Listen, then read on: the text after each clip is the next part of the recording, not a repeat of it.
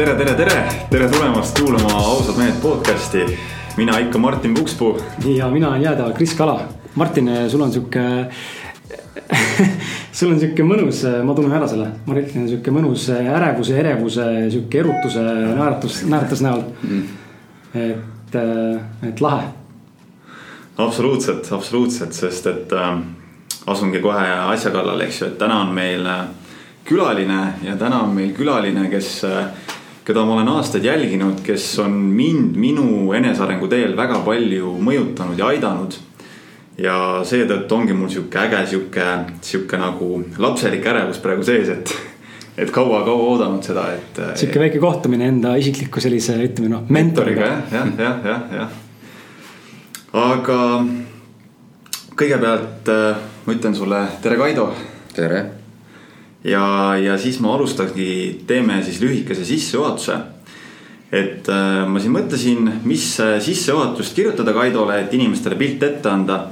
ja avastasin, et Äripäev oli selle juba väga hästi ära teinud, et mõtlesingi, et ma kasutan sedasama Äripäeva poolt kirja pandud äh, lühitutvustust siis Kaidost. ehk äh, Kaido Pajumaa on lõpetanud Tartu Ülikooli rahvusvahelise ettevõtluse eriala töötanud Hansapangas ja alates kahe tuhande neljandast aastast ettevõtja olnud peale oma esimese ettevõtte pankrotistumist kahe tuhande kuuendal aastal hakkas Kaido otsima vastust küsimustele. kuidas leida elus tasakaal ambitsioonide ja tähenduse vahel ning missugused tegurid aitavad inimesel oma igapäevast elust juba täna rohkem rõõmu tunda. Nendele küsimustele vastuseid otsides käivitas ta populaarse enesearengu blogi sisekosmos.ee, millest sai alguse ka Kaido koolitaja karjäär. kuidas luua eduteadvust koolitustel, mis näitas osalejatele, et igas läbikukkumises on peidus uus võimalus, osales kahe aasta jooksul enam kui kolmsada inimest, kellest paljud koolitusele järgnevate kuude jooksul oma elus märkimis, märkimisväärseid muutusi läbi viisid. unustan hingata vahepeal alates kahe tuhande üheteistkümnendast aastast tegeleb Kaido motivaator.ee kaudu meeskondade koolitamisega. tema peamine fookus on suunatud inimeste sisemise motivatsiooni arendamisele töö mõtestamise ja juhtide poolse motiveeriva tunnustamise kaudu. Kaido Pajumaa on pälvinud kahe tuhande viieteist, kahe tuhande kuueteistkümnendal ja seitsmeteistkümnendal aastal aasta parima koolitaja tiitli. no vot. väga lahe Endal oli ka päris põnev kuulata seda. ma, ma omalt poolt lisaks võib-olla sihukest asja sulle, Kaido, et äh, mul on ülimalt hea meel, et sa oled siin. ma tegelikult olen ise mõelnud sulle kirjutada või siis me oleme Martiniga mõelnud, et äh, võiksime selle ammu kirjutada juba ja ma ei ole seda teinud, sest et. isegi ei tea, miks, aga, aga lihtsalt pole õige aeg olnud ja mul on hea meel, Martin selle lõpuks ära tegi. ühtlasi peame tunnistama sulle ausalt ja verbaalselt aususega nagu äh, näitama sulle, et ma tean, kes on Kaido Pajumaa, aga ma tegelikult ei tea, kes sa oled mm -hmm.. seega minu jaoks täna on huvitav, sest mina sind niimoodi jälginud ei ole, nagu näiteks Martin on mm. -hmm. ja, ja võib-olla mingit artiklit kunagi minevikus igal lugenud ja ma tean, minu, sa resoneerud minuga inimesena mm. -hmm. see tiip ja see sügav sinu see olemus. aga ma ei ole sinu selle nii-öelda jah, ütleme selle käekirjaga väga-väga detailselt tutvunud.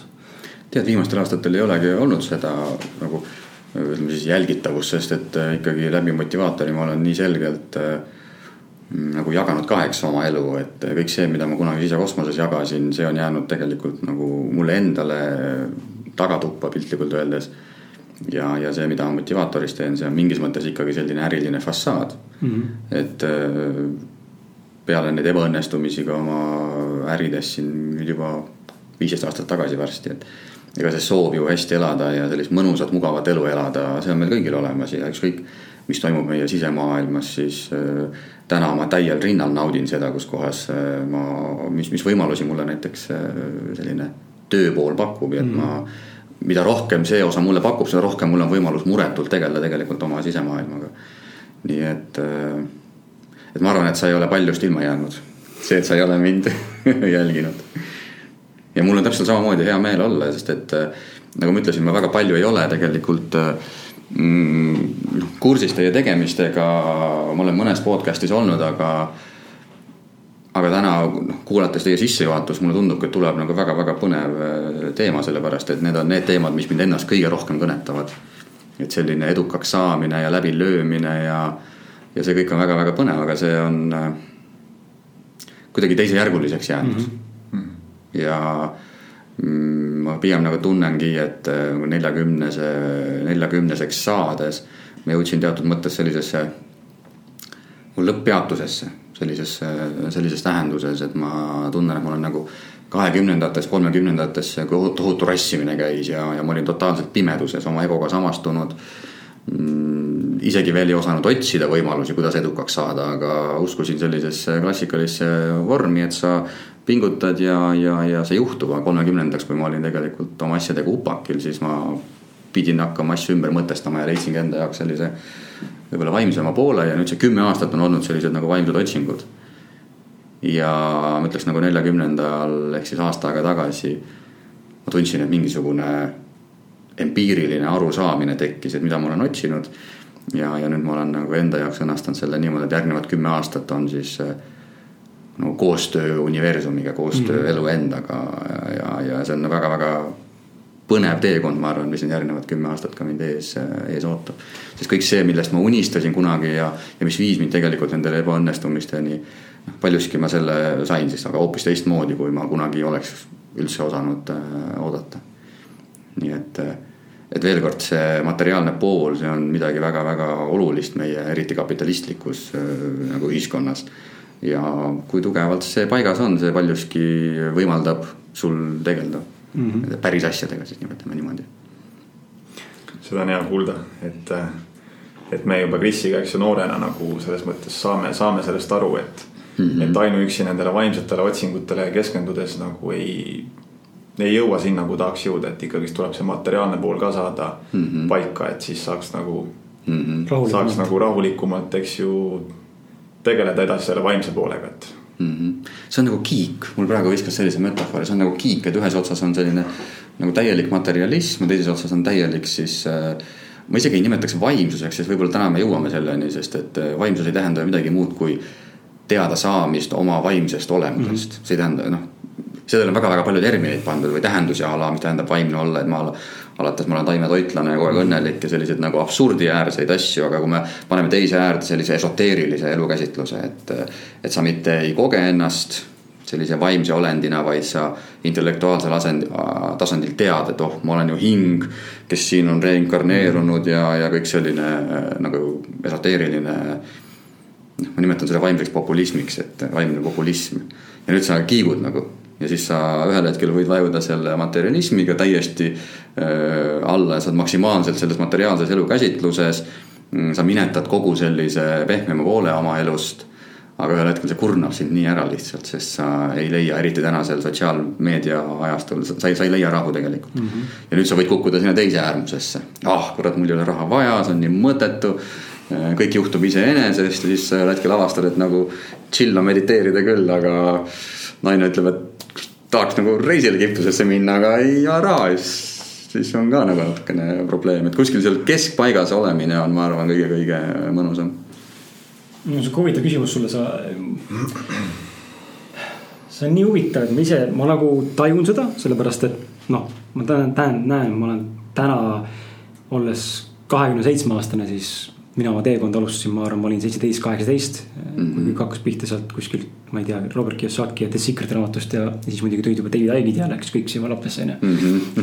David Icke'i või? jah tuli. ka käidud tee, väga põnev tee. aga, aga sealt läks ka edasi nagu spirituaalsesse tagasi budismi ja, ja siis juba mingitesse kosmilistesse teemadesse, millest täna üldse inimesed ei taha rääkida ja mm -hmm. ma isegi ei tea, kas see on tõde onju, aga noh mm. -hmm.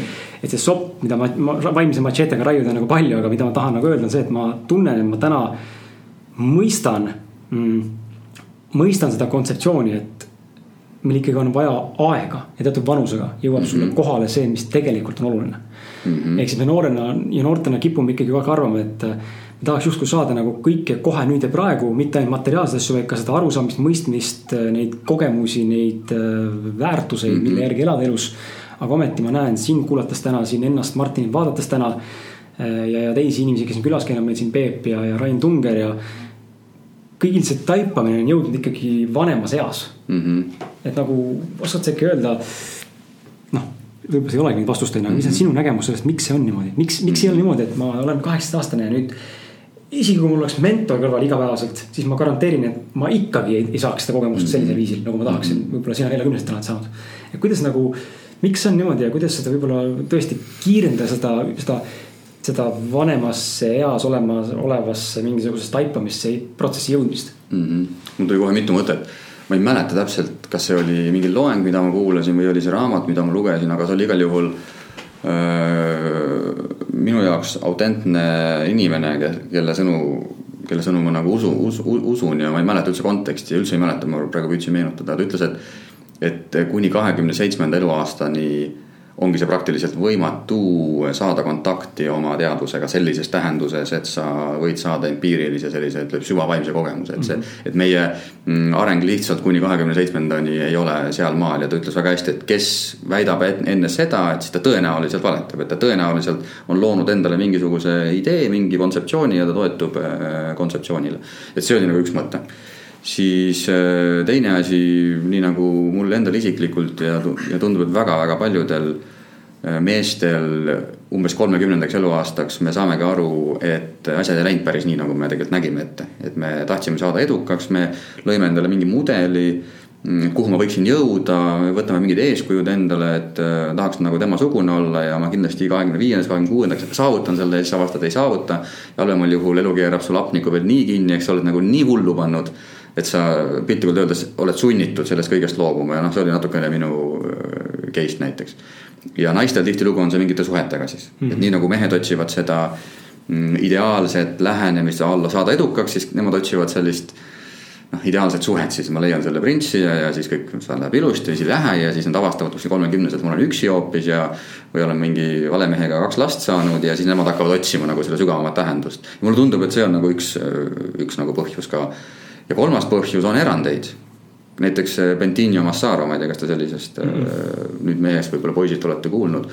kes oli ka kahekümne kolme aastaselt on tal tehtud Conscious TV-s väga võimas intervjuu.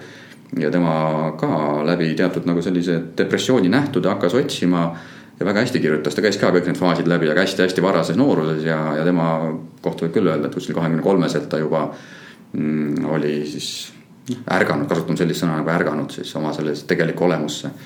ja, ja tema kohta väga vastakaid lugusid on, sest et nüüd ka olles tema selle protsessi läbi teinud, ta praegu väga vastuoluliselt käitub tegelikult, et ta äh,. mõnikord mulle tundub, et ta provotseerib lausa oma neid äh, järgijaid ja, ja oma õpilasi, sest ta piltlikult öeldes paljude piltide peal on sigariga, mingite luksusautodega -hmm. ja ta natukene nagu narrib seda aga lugedes ja lugedes ka tema mingisuguseid postitusi.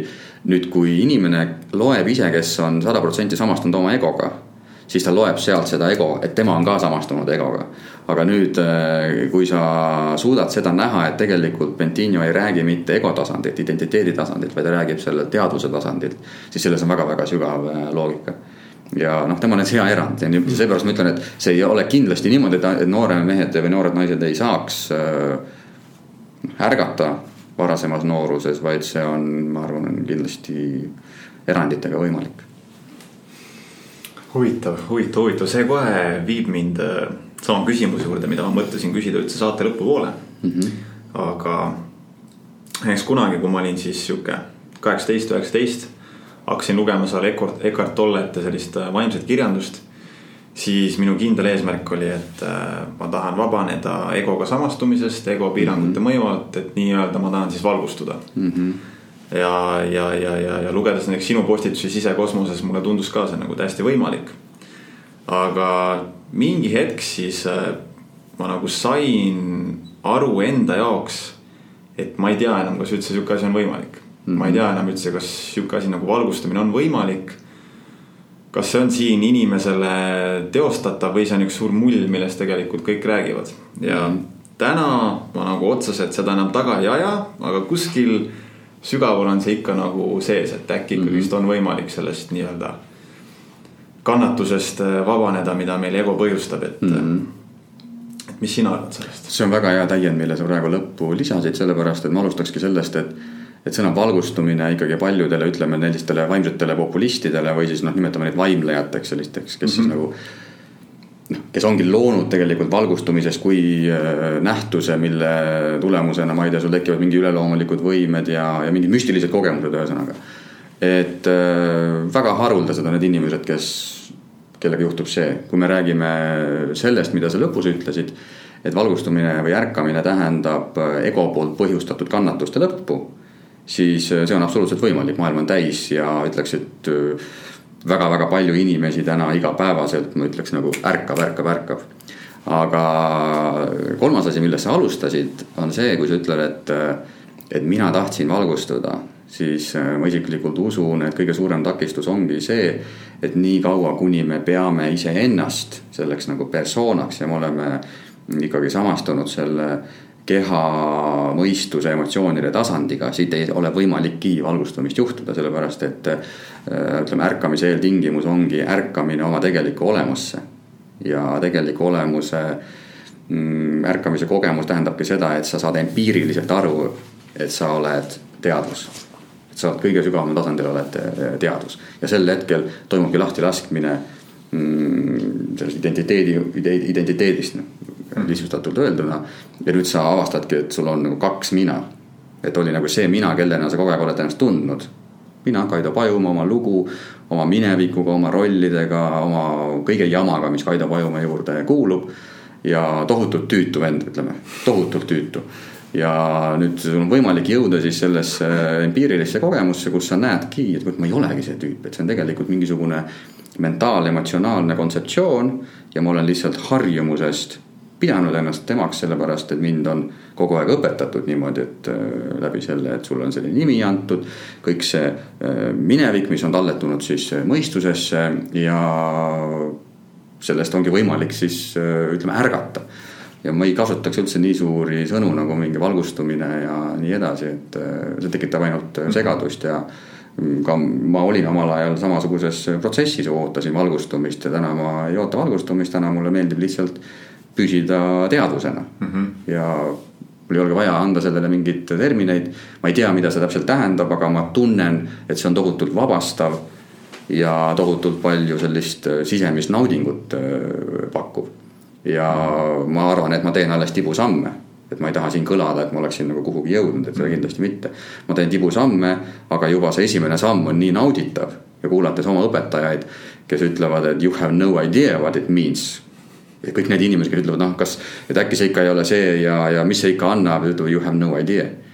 ja nüüd see on minu jaoks inspiratsiooniks, et, et kui see tibusamm on juba nii nauditav, siis mis tähendab see, kui sa ühel hetkel päris sammu äh, astud mm. -hmm. aga kui nüüd mõtlengi selle peale, et ma, ma usun, et ma ei tea aga mulle tundub, et ma olen kogenud seda ärkamise tunnet, seda, et ma ei ole enam lihtsalt see ego, vaid ma olen midagi suuremat, ma olen ühenduses millegi suuremaga ja kõik see on lihtsalt just need uskumused ja egokihid, millega ma olen ennast identifitseerinud.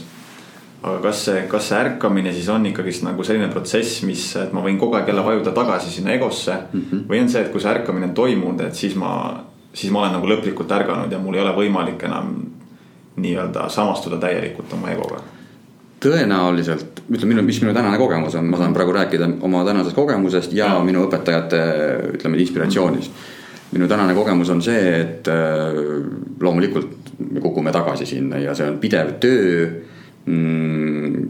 püsida siis selles teadroleku mm. seisundis samal ajal näiteks äh, noh, mina oma selliseks peamiseks õpetajaks pean Mucit ja tema omakorda, tema guru oli Papachi.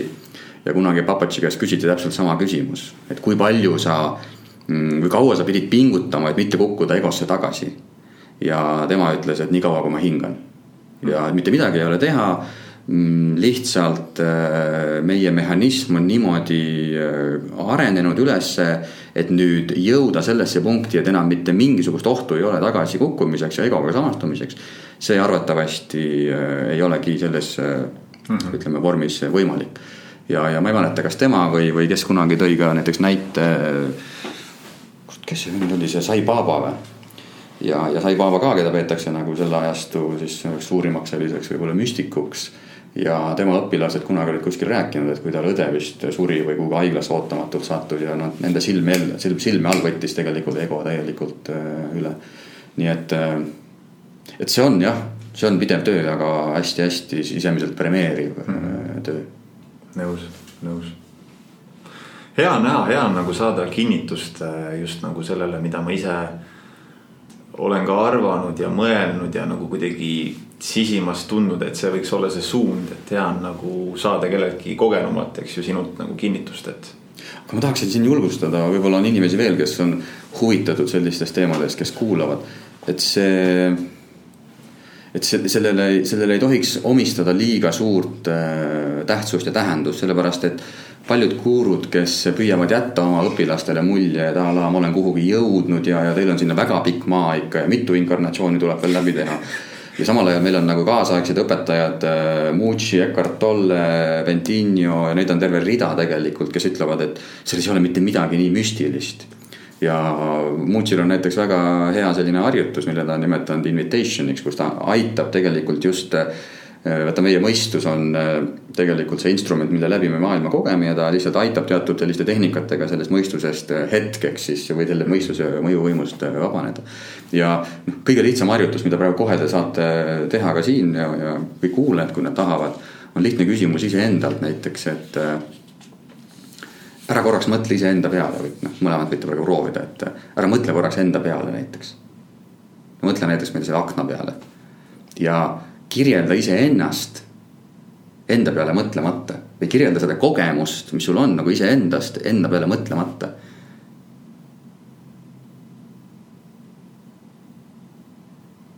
sest et see persona, see identiteet on tegelikult meie mõistuses, see, et endast rääkida. ma pean nagu meenutama ju, kes ma olen et okei okay,, mida sa teada tahad, ma räägin sulle endast, aga tegelikult, mida ma räägin, ma räägin nagu mingisugusest loost enda mõtetes ja nüüd. kui ma kasutan sellist lihtsat võtet, et ma ei mõtle enda peale, aga ma püüan seda vahetut kogemust kirjeldada, siis seda, seda story't enam ei ole, ma ei saa seda enam kasutada. ja siis sa avastadki, et äh, see reaalne kogemus on praegu see, et ma tean, et ma olen olemas mm. -hmm. ja nüüd see ongi miski, mida sa hakkad äh, kasutama. et äh, eespool kõike kes ma olen, eespool kõike, mida ma teen, alati on taustal see olemuslik kogemus, ma olen siin. ja nüüd see muutub järjest tugevamaks ja ühel hetkel juhtub selline asi, et sul tekib selline oskus lülitada sellest. ma olen see persona, ma olen see kogu minu elu, kõik minu probleemid ja sa õpid lülituma sellesse. ma olen siin kogemusse, kus ei ole seda silti küljes, kes ma olen, mis mu elus toimub. ja see on nagu see ukse avamine minu arvates ja siis see hakkab järjest tugevnema ja see muutub järjest lihtsamaks. ka kriisihetkedel, muidu kriisihetkedel alati noh, ego võtab üle. aga sa kriisihetkedel avastad, et vau, et ma olen ikka siin. ja siis lähed tagasi ja tegeled edasi, siis vaata, oo juu liiga hulluks läheb, oh ma olen siin nagu. ja tekib selline äh, mäng iseendaga ja sa avastad, et vau, et, et see ongi nii. et ma, kui ma tahan, siis ma võin olla siin ja esindada seda oma nagu seda identiteeti, aga kui ma tahan, siis ma võin tegelikult lülitada sellisesse puhtasse olemisse ja see ei takista mul tegelikult tegelemast oma eluga, oma probleemidega, aga pole seda psühholoogilist ja seda mentaal, emotsionaalset koormat. et, et, et ja see ongi see ja ma ei oska sellele nime panna, mis see tähendab, aga väga nauditav on see. ei, väga-väga äge, väga äge, see. ma saan enda jaoks nagu jah, puhtalt seda kinnitust, et ma, ma olen nagu õigel teel hmm.. et just, et alates sealt, kus ma enam, kus ma enam ei nii-öelda viskasin üldse välja enda peas selle kontseptsiooni valgustumine ja lihtsalt hakkasin. Läksin edasi oma rada, äh, fokusseerisin end sellele, et lihtsalt olla võimalikult aus enda vastu. pidevalt küsida endalt võimalikku, võimalikult ausaid küsimusi. ja ma näen, et täpselt sinna suunas see, see tee mind viibki, et äh, järjest rohkem on seda. puhtas lihtsalt olemises, olemise kogemist ja, ja, ja nagu seda rõõmu, just nimelt rõõmu lihtsalt olemisest mm. -hmm ja nüüd tuleb arvestada ka sellega, et noh, me ei tea, vaata, mis kuulajate tegelik motivatsioon on mm. -hmm. ja me elame lõppkokkuvõttes materialistlikus maailmas ikkagi ja me peame ju siin elama ja toimetama ja, ja äri tegema ja tööl käima. ja nüüd mõnel võib tekkida küsimusi, mul hiljuti ühe tuttavaga oli see jutuajamine ja ta küsis, mis see point on nagu mis see point on, et ma tean, et ma olen. ja nüüd ongi väga, kaks asja, esiteks üks asi on see, kui sa intellektuaalselt tead, et sa oled, et mis selles, mis kuradi avastus see veel on, et ma olen, muidugi ma olen ja, ja need on kaks väga erinevat kogemust, üks on see, et ma tean, et ma olen ja teine asi on see, et ma tunnen, et ma olen. jah, et see on kogemus, et ma olen siin, kõik on hästi. et see muutub nagu vundamendiks, mille peale kõik ülejäänud ehitub. ja nüüd teine asi on see, et miks ma peaksin sellega tegelema, on see, et mida me tegelikult otsime. me otsime tegelikult rahu.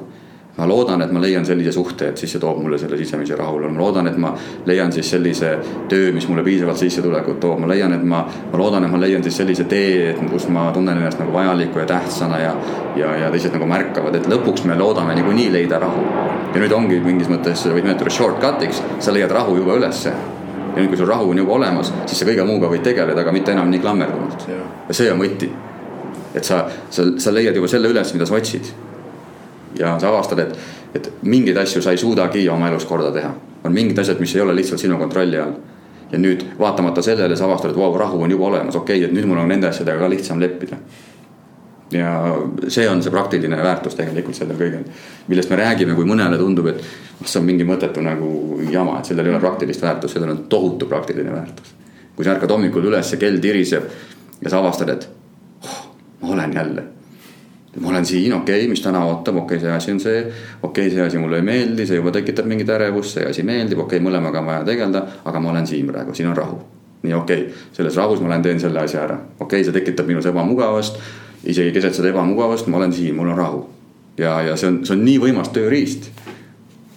ja ma ei oskakski midagi rohkemat nagu soovida tegelikult äh, elus, sest et äh, kogu aeg asjad niikuinii ei lähe nagu me soovime, et me peame niikuinii mingite jamadega tegelema see on minu isiklik motivatsioon näiteks.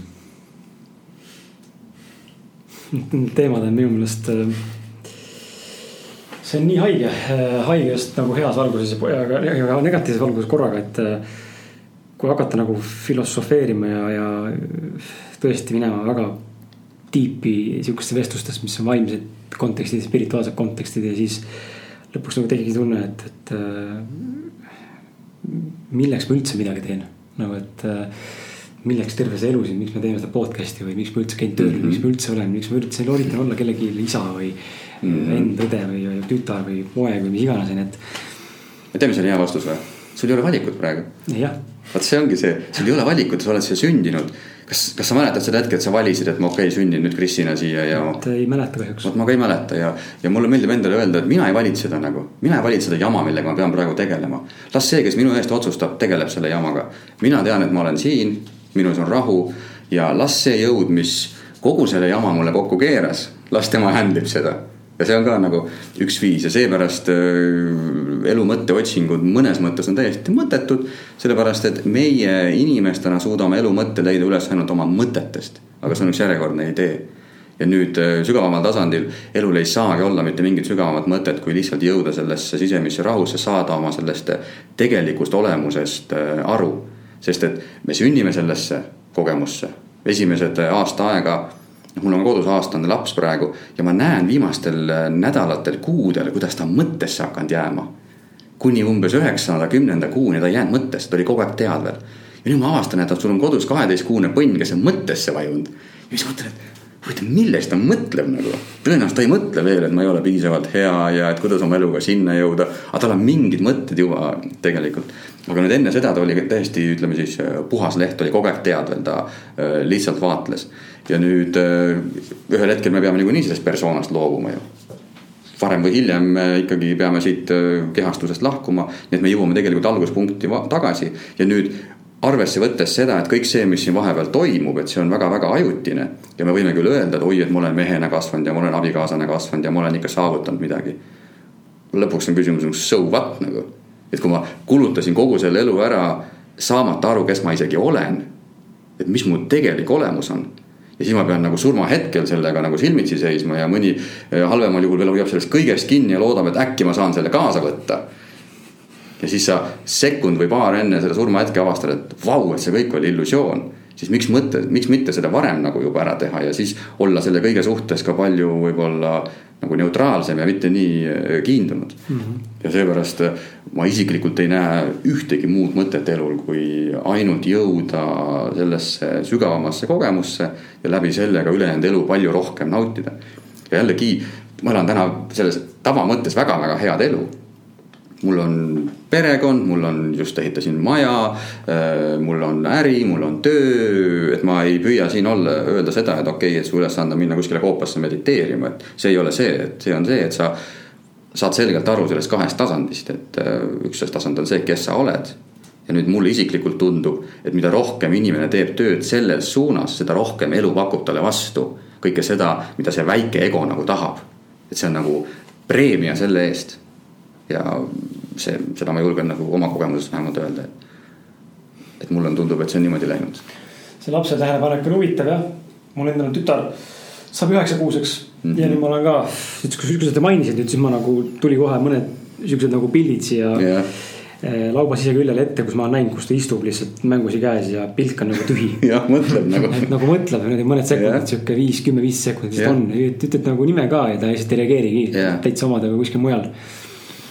Huvitav jah, miks ma seda küsisin enne seda, seda asja, et äh, ma korra nagu enne kui küsimustega edasi lähme, siis äh, korra panen nagu viimase hüpoteesi või nagu sellise väikse mõtte siia, et huvitav, mis te arvate mõlemad, et. Äh,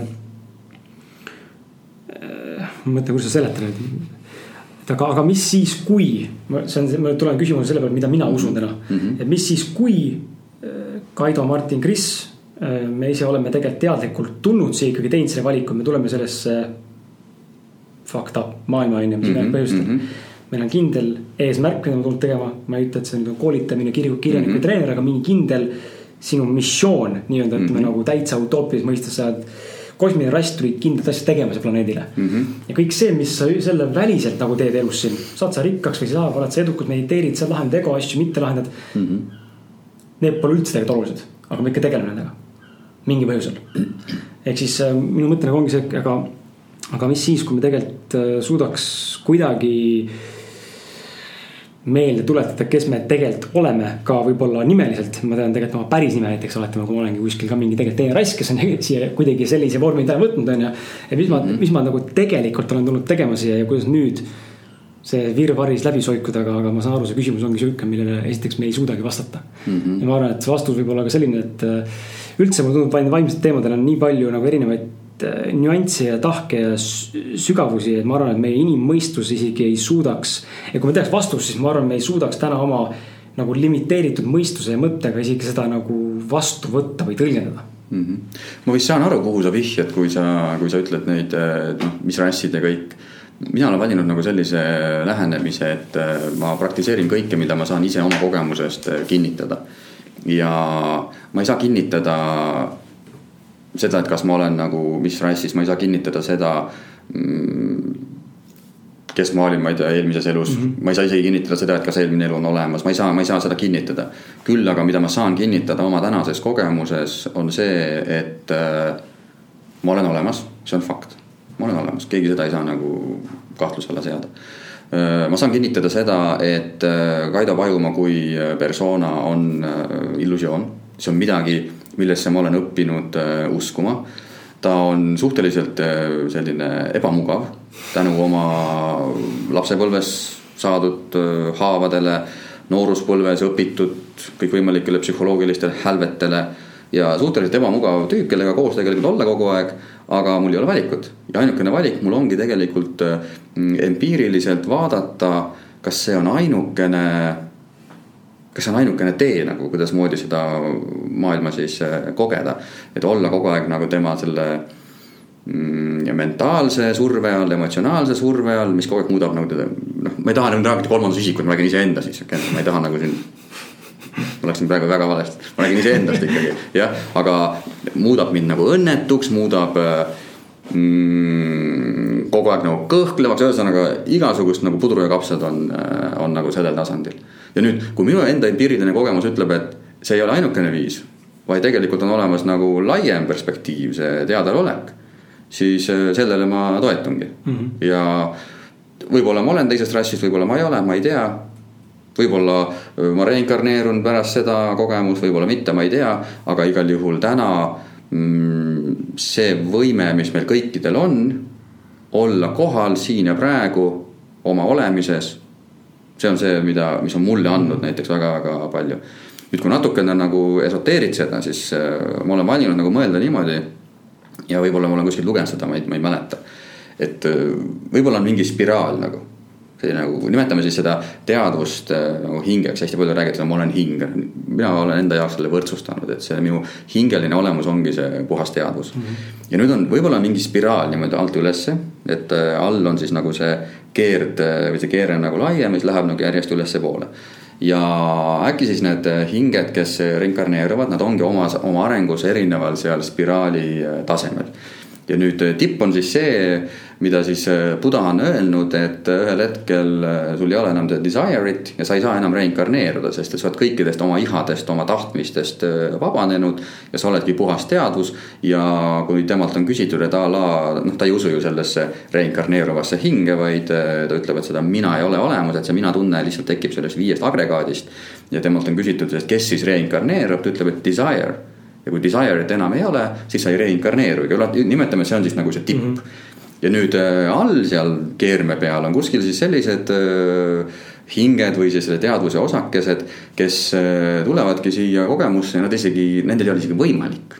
sest et nad on oma hinge arengus veel sellisel tasandil, et nad ei tule isegi selle peale et on mingi teine perspektiiv olemas. ja nemad võivad ka kriisidest läbi minna, nad võivad eluaeg õnnetud olla ja väga võib-olla õelad inimesed olla. aga ka kõige suurem kriis ei suru neid veel sellesse teadvustamise protsessi, sest see samastumise mehhanism on lihtsalt nii tugev.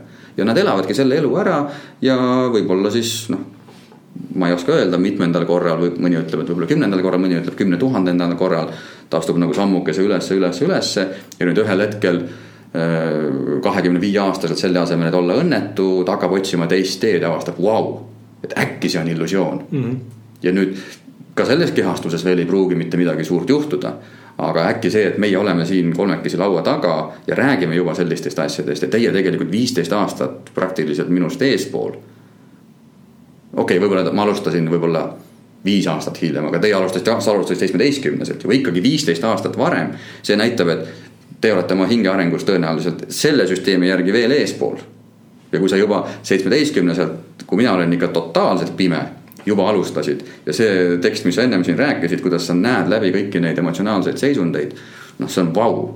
ja võib-olla selleks vanuseks, kus mina praegu olen nelikümmend üks, te olete ammu vabad, oletegi püsivalt ütleme sellist teadvuse kogemuses, et noh, üks, üks lähenemine on niimoodi mm, -hmm. et anda sellele oma mõistusele mingisugune mudel, et mhm. kuidas see asi nagu töötab, võib-olla on see nii, ma ei tea. ei, minuga väga resoneerub sihuke mudel mm. -hmm hmm.. selline küsimus, et ähm, ma korra, korra küsin, liiga, on liiga tiip ei ole, meie, meie täitsa aus küsimus sulle. minu jaoks on see, ma ainult sellest räägiksin. ma kui tahaks küsida teie käest, et kui sa ütlesid ennem, et ma, ma läksin kosmosesse, et äkki mõni kuulab praegu, mõtleb, et kuulge mehed, mis te kosmoses teete. meil on väga põnev siis vastus olekski see, et meie tegelik olemus ongi kosmos, et, et see äh, ruum või teadvus äh,. selline küsimus siis, et äh, mina, eks ju, nagu ma ütlesin, mina leidsin sind portaali sisekosmos.ee kaudu kunagi mm. -hmm. ja, ja su artiklid ja, ja e-kursuse, millega ma ka ostsin ja läbi tegin, aitas mind väga palju äh,. siis mingi hetk, eks ju, sa lõpetasid sisekosmose tegemise mm. -hmm. et ma mäletan, sa kirjutasid seal ka, miks sa selle lõpetasid äh,. aga võib-olla tahakski kuulajatele jagada, et noh, kuidas see üldse alguse sai, sisekosmos mm. -hmm ja, ja mis nagu viis siis lõpuks selle lõpetamiseni ja mis, mis mõistmisteni sa jõudsid siis mm? -hmm. no mul oligi nii, et ma panin oma äridega põhja piltlikult öeldes ja mulle soovitati ühte siis sellist väemeest, kes on siiamaani toimetab nende vaimsete teemadega ja tema tegelikult oli minu jaoks selline ukse avaja ja ta hakkas mulle rääkima nendest asjadest ja pani mu joogat tegema ja mediteerima. ja ta on väga oluline isik minu, minu elus ja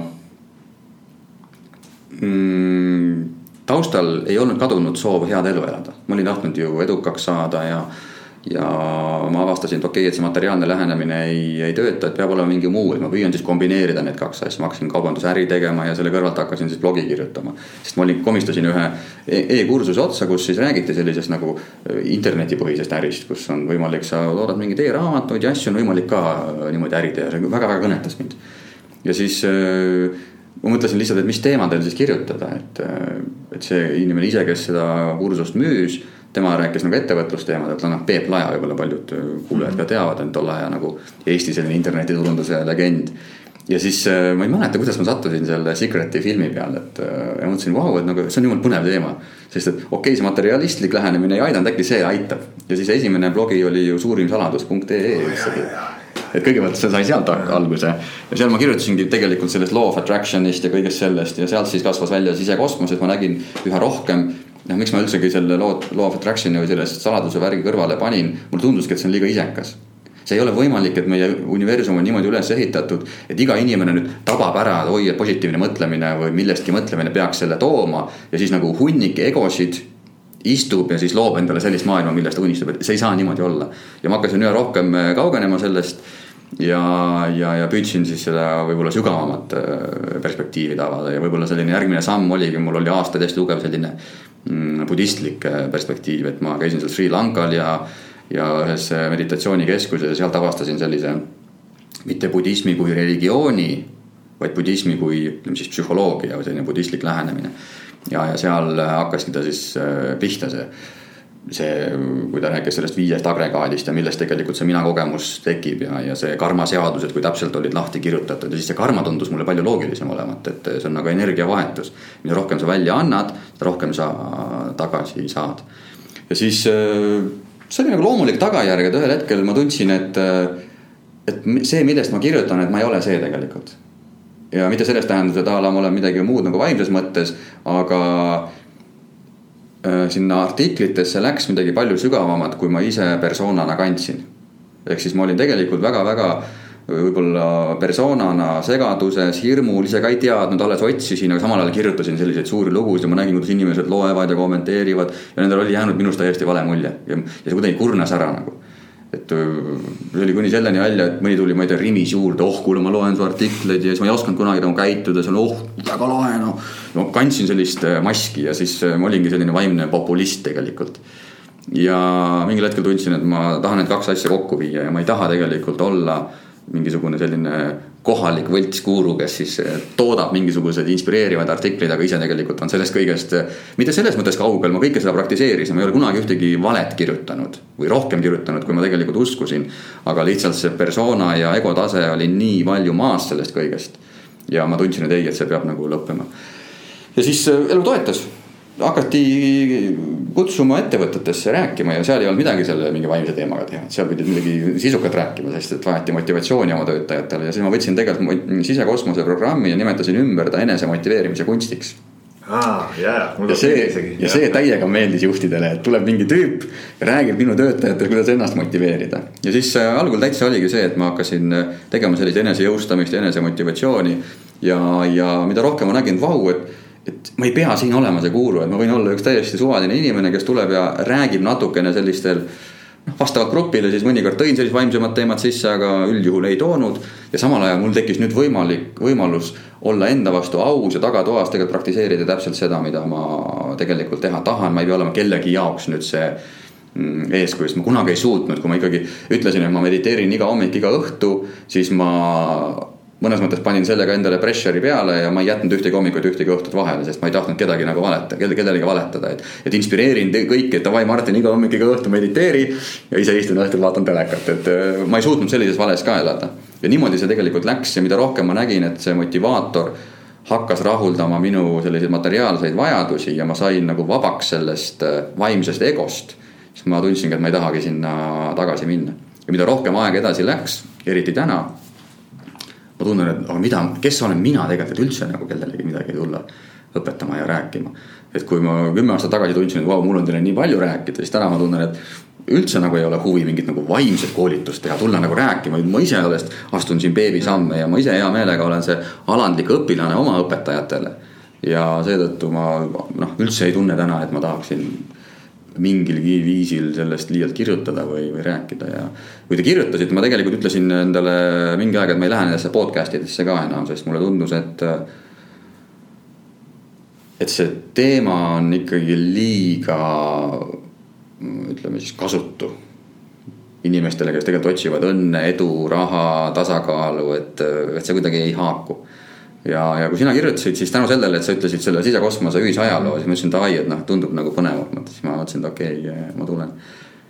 ja võib-olla see Peebu, Peebu asi ka, et Peep ka tegelikult väga, nagu ütlesid, väga, väga toredad inimesed ja, ja see kuidagi soosis. ja ma poleks elus arvanud, et te nii tiibiks lähete siin. see on mulle väga positiivne üllatus praegu. jah, aitäh sulle ka, Peep, kui sa juhuslikult kuulad mm. -hmm. loodetavasti kuulad meid vahepeal, aga, aga jah ma küsiks sult võib-olla selle mm, koolituse osas nii palju, et kuna ma ise olen. minus on jube tugev äh, tunne, võib-olla tänu sellele, et mida ma olen eelnevalt kogenud alates sellest, kui ma esimese raamatu välja andsin aasta kaks tuhat kümme. kui mulle anti võimalus äh, kirjanikuna ja, ja enda nagu mõtete väljendajana siis koolides ja, ja ülikoolides ja, ja raamatukogudes ja mingites projektides sõna võtta mingitel a la ka motivatsiooni või enda leidmise teemadel. sihuke tunni-kahesed loengud ja, ja pluss lisame sinna ka siis lapsepõlve üleskasvatuse, milleni me kohe ka jõuame tegelikult sinu lapsepõlveni ka, ma tegelikult tahan küsida paari asja mm. -hmm. aga kuidas minul see kooliaeg ka, ma näin, minus on olemas see esineja ja minus on olemas meeletult äh, jälle hea öelda, et see nagu egopõhine tundub, aga, aga samal ajal ma tean, ma olen piisavalt eneseteadlik selles vallas mm, -hmm. ma saan öelda, mul on väga hea eneseväljendus mm. -hmm ja, ja suut- ja, ja ka eneseteadlikkus ennast nagu analüüsida kõrvalt, miks ma midagi ütlen, kuidas ma ütlen ja kuidas inimesele mõjuda võiks mm. -hmm. mina nagu tunnen, et minu tee on koolitaja mm -hmm. lisaks kirjanikule mm. -hmm. Ma, ma lihtsalt, see lihtsalt minu sees nii tugevalt tunne lihtsalt. aga kuhu ma täna liigun, mul ei ole see nišš veel paigas, natuke nagu on suunad saamas nagu paremaks. ja, ja siin saateväliselt sai nagu Alarist räägitud, Alar ütles ka, et, et ta nagu mind kuulates, minuga suheldes siin aega niimoodi põrkamise tekste vahetades, ta näeb, et minu, minu suund tulevik on sihuke viie-kuue aasta pärast mm. -hmm. kus ma hakkan nagu seda elama, seda, mis ma täna nagu endale ette manan nii-öelda küsimus sulle, kuidas nagu üldse panna kokku koolitajana, võib-olla siin keegi tahab ka huvi tunda koolituse vastu või, või võib-olla mitte ainult koolituse vastu, siis võib-olla kuidas üldse mingi projekti üles ehitada või mingit asja edukalt läbi viia, kuidas üles ehitada sellist sinu teadmiste pagasit kon, kontseptsiooni nüüd ja tuua see sisse näiteks mingi a la nelja, viie või kuuetunnisesse äh, raamistikku. Mm -hmm. nagu, mis on, mis on need praktilised asjad, ma täna mõtlen selle peale, peaks hakkama rääkima kellelegi eneseteadlikkusest, kirest, äh, positiivsest mõtlemisest, sinu unistustest, saavutustest ja nii edasi mm. -hmm no ma hui teaks ausalt mm, -hmm. kuidas seda kokku nüüd panna, kuidas ma nüüd panen selle kokku, et ta jookseb mul niimoodi ilusti, et otsast lõpuni kõik on olemas, harjutused, punktid, tähelepanekud, inimestele meeldib natuke nalja ka mm. -hmm. kus ma selle kokku panen, selle teadmise mm? -hmm. ma alustaksin kõigepealt päris algusest, kui sa ütlesid väga olulise asja, et ma ei soovi vähimalgi määral, et selles podcast'is kellelegi võiks jääda selline segadus hinge et me räägime küll vaata kahest perspektiivist elul mm, -hmm. üks on see teadvustamine ja teadvalolek ja see olemise kogemus ja teine on siis persona. et need kaks asja selles kogemuses, kus me oleme siin maal, on koos alati. ja meie keha, meie anded, kogu meie see mm, ka mineviku võib-olla raske lapsepõlve, kõik need teemad on tegelikult materjaliks meie ütleme siis sellele sisemisele olemusele, et ärgata ja ka need anded, mis on, on selleks, et tegelikult läbi nende tulla ja midagi pakkuda, et mm, -hmm. et äh, kindlasti ei tohiks äh, jääda siit see mulje, et, et okei okay,, et ma ei tegelegi millegagi enam, et sellel ei ole mõtet, nüüd ma hakkan nagu ainult sissepoole vaatama, et, et, et need kaks asja on käsikäes, nad on nagu mündi kaks külge. Need ei saa üksteisest eristada. ja see, kui sa ütledki, et ma olen avastanud enda jaoks, et, et minu tugevus on koolitamine, väga hea, sest et sinu siis ütleme siis sinu hing ongi tulnud siia siis seda teed äh, käima ja sa peaksid seda ainult siis võimendama ja kindlasti kasvatama. ja nagu sa ütled, et samal ajal ma tean, et ma olen sellest teadlik, vot see ongi see. et rohkemat ei olegi tegelikult, äh, ma arvan, et vaja, see teadvustamise võime. nüüd tulles tagasi selle teise küsimuse poole juurde, siis äh, enda puhul võin öelda, et see on olnudki selline katse-eksitusmeetod paljuski, et kui ma hakkasin ettevõtetes käima siis ma läksin ka Peebu, noh ma Peebu üldse ei tundnud, siis ma Peebu, Peebuga tutvusin reaalselt alles kaks tuhat kolmteist ja kaks tuhat kümme käisin ühel tema koolitusel, tema, üks teine koolitaja tegi seda. nõuandlik müük ja ma läksingi sinna tegelikult selle mõttega, et kuidasmoodi oma siis programmi hakata äriturule viima. ja siis äh, sain selle koolitajaga väga hea kontakti ja ma palusingi temaga hiljem kokku saada, ma näitan sulle, mida ma tahan ettevõtetesse minna tegema. et anna oma hinnang, et tema oli ettevõtteid koolitanud juba aastaid ja läksin ka oma eneseteadvustamine ja kõik need teemad, mis mind nagu sel hetkel huvitasid ja ta ütles, et on väga põnev, aga sa ei müü seda ühelegi ettevõtetele maha, sellepärast juht ei saa aru nagu, et mis kasu tal sellest on. ja ega ma päris ei uskunud teda, mõtlesin, ma proovin ikkagi ja ei müünudki sellepärast, et, et tõepoolest äh, oled sa siis nagu kireleidja või sa aitad inimestel eneseteadlikum olla, siis see jääb täna veel natukene kaugeks ja mina isiklikult toon need teemad sisse sõltuvalt grupist, kui ma näen, et mingi grupp on kuidagi vastuvõtlikum ja ise kuidagi võib-olla tõstatab mingid küsimused. siis ma viin selle hea meelega teatud teemadele ja me arutame neid teemasid, aga hästi-hästi delikaatselt ja nii kui ma näen kasvõi ühel inimesel, et jookseb nagu kinni mm, -hmm. et siis ma tulen, tulen, tulen sealt tagasi. nii et me peame olema siin realistid, me peame lähtuma sellest, mis vajadus on olemas, kui sa tahad koolitajana läbi lüüa, siis ja sa tahad raha teenida koolitajana, sest on kaks koolitusturgu, on see vaba, vaba aja koolitused, kus inimesed tegelikult maksavad koolituse eest oma maksujärgsest tulust. Nad kõik maksud juba ära maksnud, natukene jääb neile kätte ja nüüd nad peavad minema veel sinu käibemaksu kinni maksma ja, ja väga-väga raske on seal tegelikult äri teha. päris raha liigub ikkagi ärimaailmas kus makstakse sulle maksud eelsest rahast, käibekas tuleb veel tagasi ja nende jaoks on see oluliselt äh, soodsam. nii et kui sa raha tahad teenida koolitustega, siis sa võiksid ikkagi sihtida äriturgu mm -hmm. ja nüüd ärimaailmas peame leppima sellega, et ärimaailmas tahetakse äri teha ja, ja raha teenida. ja nüüd sa võiksidki siis lähtuda sellest, et kuidas luua need seosed, et need, mida mina tean ja oskan edasi anda, aitaksid siis nendel äri kasvatada. kas nad aitaksid juhtidel kuidagi paremad juhid olla näiteks eneseteadvustamise teemad, sealt selle seose leidmine, aja juhtimine, emotsioonidega parem toimetulek mm, meeskonnas, sealt on võimalik neid seoseid hakata looma. ja ma arvan, et esimene samm ongi see, et sa paned mingisuguse portsu ideid lihtsalt kokku, on mingid a la kümme teemat. ehitad mingi programmi üles ja ega see ongi katse-eksitusmeetod et sa lähed sellega ja sa saad tagasiside, et mis kõnetas, mis ei kõnetanud, okei okay,, see üldse ei kõnetanud, seda järgmine kord üldse ei puuduta, see väga kõnetas, okei okay,, ma panen seda teemat juurde mm. -hmm. ja ma siiamaani, mul on ka praegu suvepuhkus ja ootavad kõik programmid tegelikult värskendamist, et mida ma eelneva üheksa kuu jooksul õppisin. ja värskendan siiamaani, kuigi ma olen seda kümme aastat teinud, et, et neid asju ei ole mõtet teha, et see kuidagi koormas, neid asju võiks äh, rohkem teha. ja nii ongi, nii sa saadki tegelikult vaikselt siis jala ukse vahele. jah, eks ta, eks ta kipub nii olema mm,. Et ühesõnaga tuleb siis nagu ikkagist lähtuda sellest praegu ütleme reaalsete inimeste vajadustest no,, mida nad vajavad, on ju, et ei saa nagu minna selle ideega peale, et mul on mingi. ma muudan maailma. jah, jah mm. -hmm. ei, võib proovida, aga sa ei saa väga edukaks tõenäoliselt nagu ärilises mõttes, et. Et see ongi see perspektiiv, mida, mida sa tahad nagu. üldse tundub mulle, et nagu võib tõmmata äkki paralleeli või analoogi nagu selle koha pealt, et kui sa justkui teed midagi, mida, ehk kui sa teed vastupidiselt kõike, mida teeb ühiskond, siis sul saab olema raskem. jaa, sa ujud vastu voolu. ujud vastu voolu, jah. kui sa oled, kui sa oled mingi pioneer ja sa tuled välja millegi täiesti fenomenaalsega, uuega, sa loodki uue niši, see on teine asi mm. -hmm. aga selle, selle, see õnnestub nagu vähestel geeniustel ja tõenäoliselt on neid nišše olemas. mina ei ole üks nendest, et mina olen läinud ikkagi ütleme siis selle vooluga kaasa ja väga hea näide on näiteks sisekosmose, ma tegin ju aastaid sisekosmose avalikke koolitusi. ja sisekosmoses inimesed juba otsisid.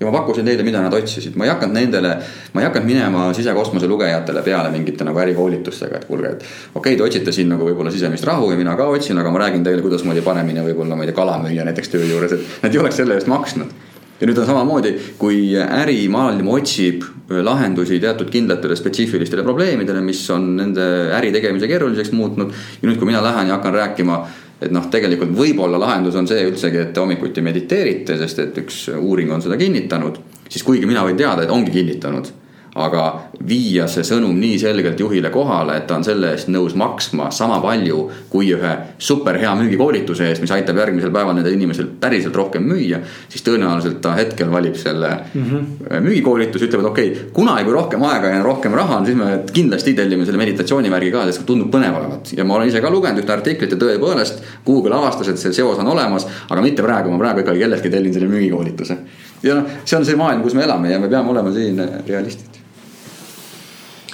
valus, valus on kohati ja kurb on kohati, et see, et see niimoodi on, sest et siis sa ei saa ju üdini läbinisti enda südamesoovi järgida selles mõttes. aga on ukseauk selles mõttes ukseava. Kuigi mul on meeskonnatunde suurendamise koolitus, juhtimiskoolitus, aga tegelikult nad on kõik enesearengu koolitused mm. -hmm. et see on väga erinev viis, kuidas sa lähened mingitele teemadele. mul on ka müügikoolitus olemas, aga ma ei õpeta kedagi seal agressiivselt müüma, vaid ma aitan inimestel iseendaga paremini kontakti saada. aidata rohkem sellist nagu andja mõtteviisi arendada, et tegelikult nad on kõik mm, ikkagi enesearengu, enesearengu koolitused aga nad on üles ehitatud sellistele tugisammastele, mis aitavad ikkagi ka äriliselt midagi paremaks muuta. olgu see siis meeskonda ühtsemaks muuta, juhil enesest teadlikumaks saada, et seeläbi minna oma töötajatele lähemale, saada nende probleemidest paremini aru ja läbi selle koostööd tõhustada. et nad kõik kuidagi aitavad ikkagi inimestel näha mingeid külgi võib-olla endas siis indiviidina või kollektiivina läbi, mis aitab seda koostööd parandada aga ennast ma näen ikkagi sellise pigem nagu enesearengu koolitajana, et ma lähen selliste teemadega mm, mis ei ole kuskilt äh, raamatust võetud, davai poisid, ma räägin teile juhtimisteooria abc-d, see on mulle endale väga-väga igav. aga kui ma lähen ühe keerulises mees, seisus meeskonna ette ja püüan nad lahti muukida ja kasutades just oma neid andeid ja võimeid, mis meil on kaasa sündinud. siis õhtul, vot see on hea tunne, et noh, et saidki lahti mm. -hmm. Nii et kindlasti see ei pea tähendama seda, et sa pead püssi põõsasse viskama ja vaid, vaid proovima vaikselt minna ja, ja kindlasti on sul oma nišš olemas. ja nüüd, kui sa paralleelselt töötad ka selle teise poolega, millest me ennem rääkisime, siis elu toetab sind mm, -hmm. et see on ka selge. me oleme põgusalt siin saates nüüd varsti on tund aega räägitud juba, Ulme Rets lihtsalt, kui saag lendab mm., ma näen juba küsimusi, meil pole, pole vist, ma arvan, seitsekümmend protsenti küsimusi küsinud. et, et me teeme sinuga raudselt äh, sihuke tunne, et sa tuled, sa tuled meie külla või tuleme hoopis sulle külla, aga, aga ähm, tõmbame korra pilgud sellest tänasest Kaidost tagasi sihuke nelikümmend, kolmkümmend aastat tagasi. räägime mm, -hmm. milline sinu lugu lapsepõlvest olnud ja ma näen, siin on mul Martinil on suht sarnased küsimused, et. Äh, sinu enda lugu, kust sa oled tulnud, kus sa oled täna, kuhu oled teel on ju, me oleme põgusalt maininud, aga räägi, kust sa oled tulnud ning ühendaks selle äkki Martini küsimusega, et sinu lapsepõlve uskumused, mis on nagu sinusse juurutatud vanemate poolt ja kuidas nad on sind täna nagu mõjutanud mm? -hmm. väga palju ei mäleta lapsepõlvest kahjuks, aga igal juhul tean seda, et mu ema-isa hästi tahtsid minust, et minust saaks asja niinimetatult. väga soovisid ja andsid endast parima, aga nad tegid natukene ühe sellise karuteene et nad lootsid, et nad motiveerivad ja inspireerivad mind äh, läbi võrdluse. et nad võrdlesid mind kellegagi, mingite võib-olla naabritega ja mingite teiste lastega. aga nad tegid sellega karuteene, et tegelikult äh, see uskumus, mis minule tekkis selle taustal, oli see, et sellisena nagu ma olen, ma ei olegi midagi väärt. ma pean olema rohkem. ja sellest siis hakkas pihta see saavutusvajadus ma püüdsin, ma arvan, kuni kolmekümne viienda eluaastani oma vanematele tõestada ja ma alles siis nägin läbi selle, et pagan küll, et ma teen ikka veel nende pärast, sest et ma millegipärast arvan, et nad ikka ei ole mind märganud ja minu neid saavutusi äh, märganud.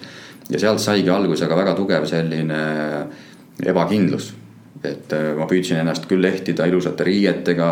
Äh, miks ma läksin ka näiteks panka ja enne seda ülikoolis püüdsin hästi pingutada ja hästi õppida, kogu aeg oli see tähelepanu vajadus, ma, ma teen midagi hästi, et märgake mind. ja ma, see oli alateadlik protsess, ilmselgelt vanemate mm, sfäärist ma olin välja juba kasvanud ja nüüd ma ootasin seda võib-olla oma sõpradelt ja selliselt nagu laiemalt üldsuselt. siis läksin panka, olin maru selline agar ja aktiivne, davai märgake mind siis ma läksin ettevõtlusesse, davai, et pangas mind ei märgatud, davai, märgake nüüd, vaadake nüüd ja mina teen, kogu aeg oli see vaadake, vaadake, vaadake vajadus ja see viiski tegelikult äh, ummikusse ja nüüd see ebakindlus ja need hirmud ongi ka väga paljude kannatuste allikas, siis see, millest me ennem rääkisime, selle identiteedi või persona tasandil.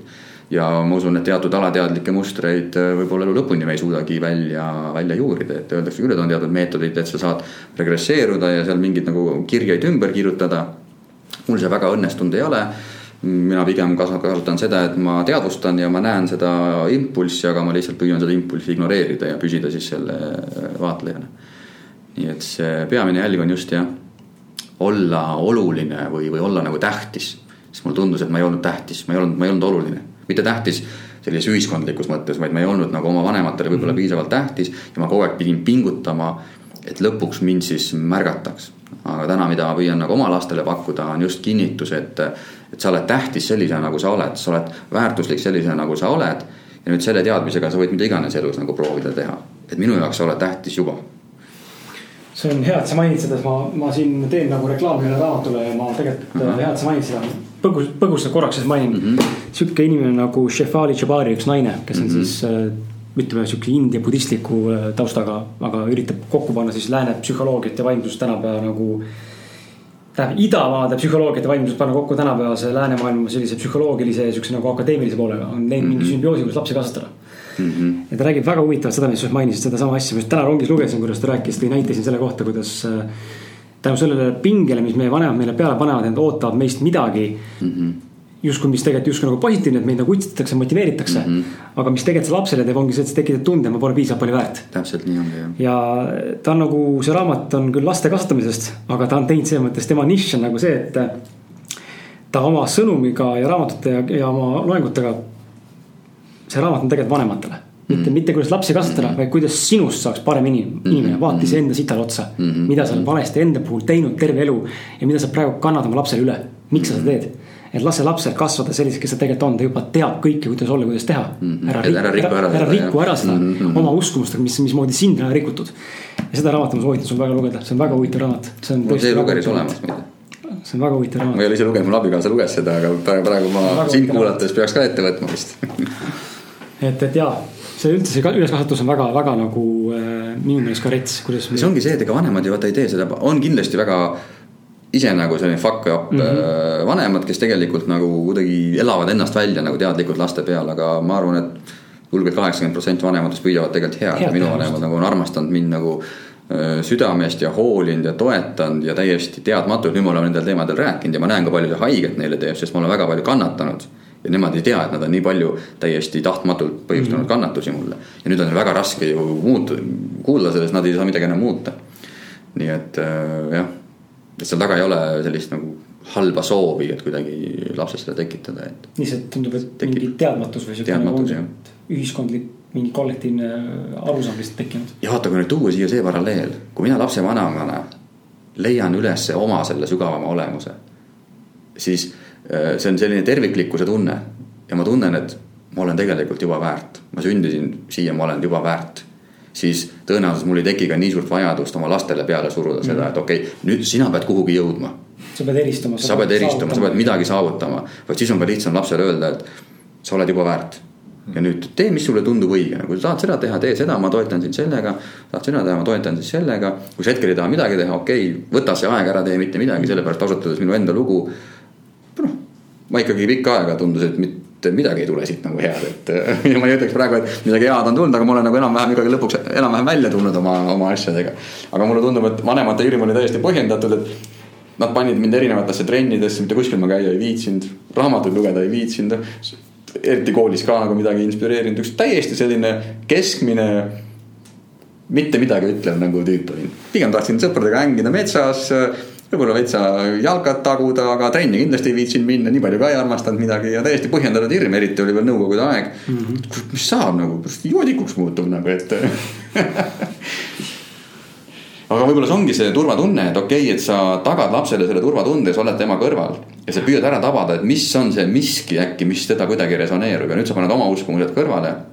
ja aitad teda siis selle miski suunas ja äkki ta sealt leiab endale selle sütitava valdkonna või midagi. jah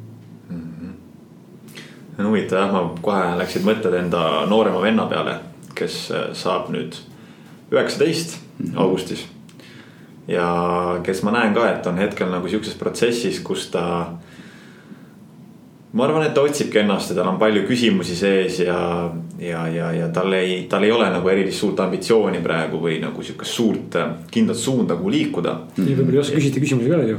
ja, ja tihti mm, -hmm. eks ju ema ja, ja, ja siis minu kasuisa ja mu venna isa, eks ju, on, on. nagu tunnevad muret ja, ja, ja ma ise olen tundnud palju muret, aga nüüd sellises valguses, kui ma mõtlen selle peale, siis võib-olla tõesti võib-olla parim, mida teha, olekski nagu anda talle ruumi, sest et see on mhm. täiesti normaalne, kui mm -hmm. inimene on sellises vanuses, kus ta nagu, ta näeb, et kogu see maailmasüsteem. ta juba näeb selle nagu läbi, eks ju, et see mm -hmm. ei, et ta ei lähe sihukest tavalist rada, et nagu, nagu meil on ette tambitud, on ju mm. -hmm. et ja siis ongi see, kus jah, võib-olla ei peakski suruma teda, peakski tal laskma lihtsalt. Öeldakse ka ju, öeldakse ka ju, et on selline nagu energiaseadus, et kui sa nagu surud midagi, siis tekib alati vastusurve mm. -hmm. ja me teame omast, omast küljest seda. kui keegi väga tahab meilt midagi, siis me nagu sisemisest rotsist ma ei tee niimoodi nimelt.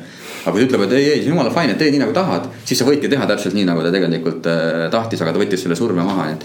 et siin võib täitsa proovida seda jah, et äh, öeldagi, et okei okay,.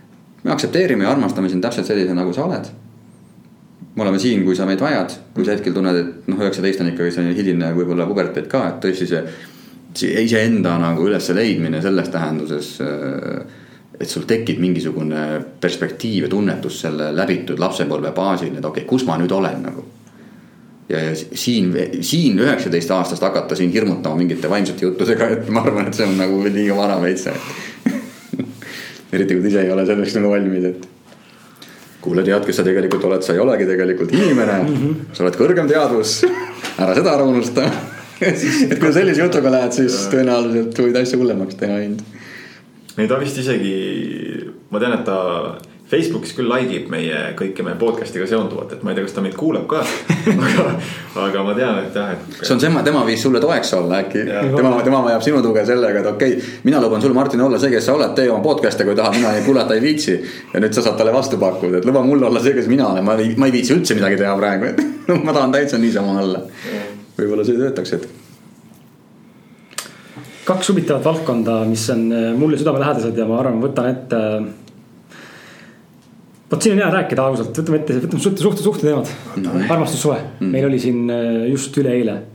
vaata, kui huvitav on see, et äh, paneb nagu naerma ühtepidi ja tekitab nagu sihukest tunnet, et nagu, et kurat raisk, ma olen ikka kõva vend mm. -hmm. sellepärast, et äh, kaks päeva tagasi ma, mul see elukaaslase kuus aastat mm -hmm. ja, ja meil on siis kaheksa, kaheksa poole kuune laps praegu siis meil on Martini ja siis ühe, ühe sõbraga veel, kes meil siin on toeks, meist kümme aastat praegu vanem.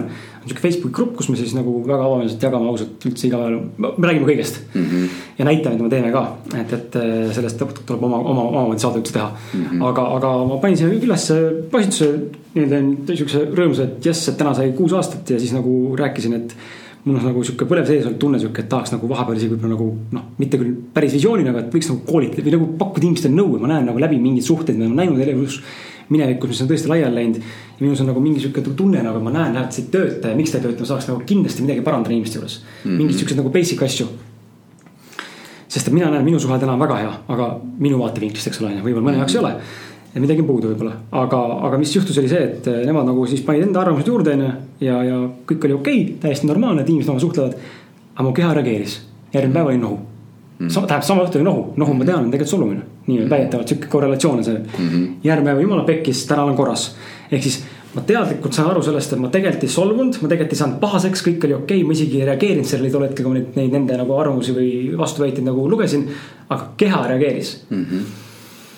Ja huvitav nagu märgata seda, et sa saad ka aru sellest, et noh, et nii jabur, et ma tegelikult, ma solv-, ma tegelikult kuskil nagu solvusin, sain haiget, aga miks on ju. Mhm. ja siis hakkasin mõtlema, miks Martin hakkas enda arvamust peale suruma, on ju, kas ta sai ka haiget tänu sellele, et et võib-olla ka võrdles enda suhet minu suhtega võib-olla onju. ja võib-olla see on ka nagu haiget mm. -hmm. ja siis ma tahangi sul küsida seda, et räägi lihtsalt, mis on sinu arusaam suhetest ja kuidas toimib üks, üks töötav, töötav, armastav ideaalne, perfektne, noh, ma ei tea, muidugi kõik need terminid ei pea olema, et ideaalset suhet pole olemas, aga noh, minu jaoks, minu jaoks näiteks on, onju. et kuidas nad sinu jaoks töötavad ja, ja, ja, ja kuidas või, või mis on, mis on nagu need hea suhte vundamendi sellised põhikoostisosad mm, -hmm. millele saaks tugineda igaüks. ärme räägi siin sellest, et mõni suhe vajabki võib-olla tüli rohkem kui teine, inimesed on erinevad. mõni ei vaja üldse, onju, aga et just see, mida saaks igaüks täna siin oma suhteelus kohe nagu parendada. et olla parem mees oma naisele, vähem macho onju ja olla samas ka parem naine oma mehele, vähem nii-öelda bitch onju mm -hmm., nagu ära vingu nii palju onju. ma hüppaks jälle korraks nagu algusesse, kui sa tõid väga hästi selle sisse, et sa ise nagu teadvustasid ja sa justkui võib-olla ei solvunud, aga mingil tasandil solvus, et et Ingvar Villitoo ka üks Eesti, Eesti joogi, nagu temal on nagu väga-väga võimas, võimsad programmid äh, iseendaga just nagu kontakti saamiseks ja. tema raamat Emotsioonid äh, ka räägib sellest, noh jutu point on selles, et. Äh, et see, kuidas meie maailma näeme, see on ainult kontseptsioon.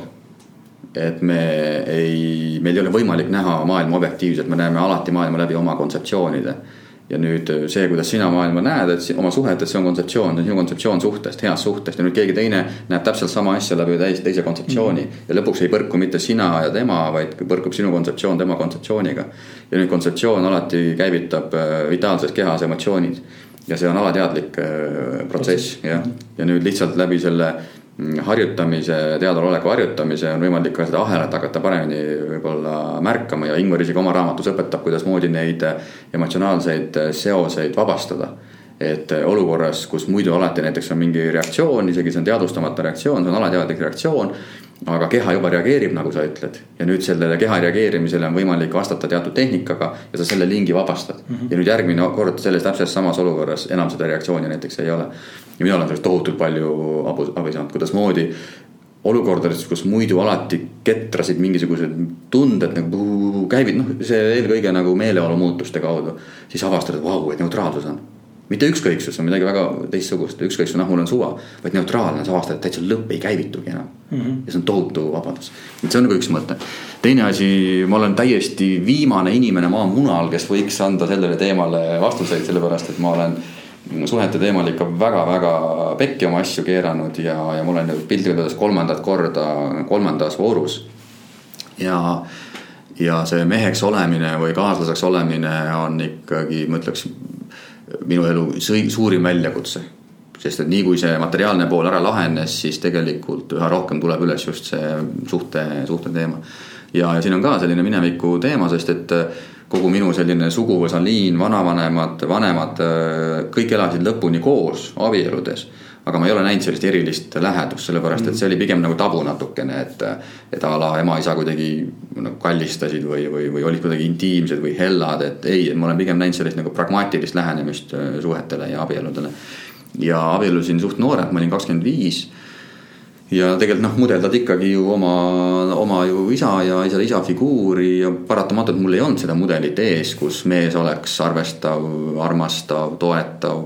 isa oli ikkagi nagu, nagu kõva mees ja, ja, ja tegi tööd ja tõi raha ja, ja kuidagi vastu, minu abikaasa, esimene abikaasa oli ka nagu natuke sarnases perekonnas, kus ei olnud ka nagu liiga palju seda lähedust ja siis me justkui nagu sobisime.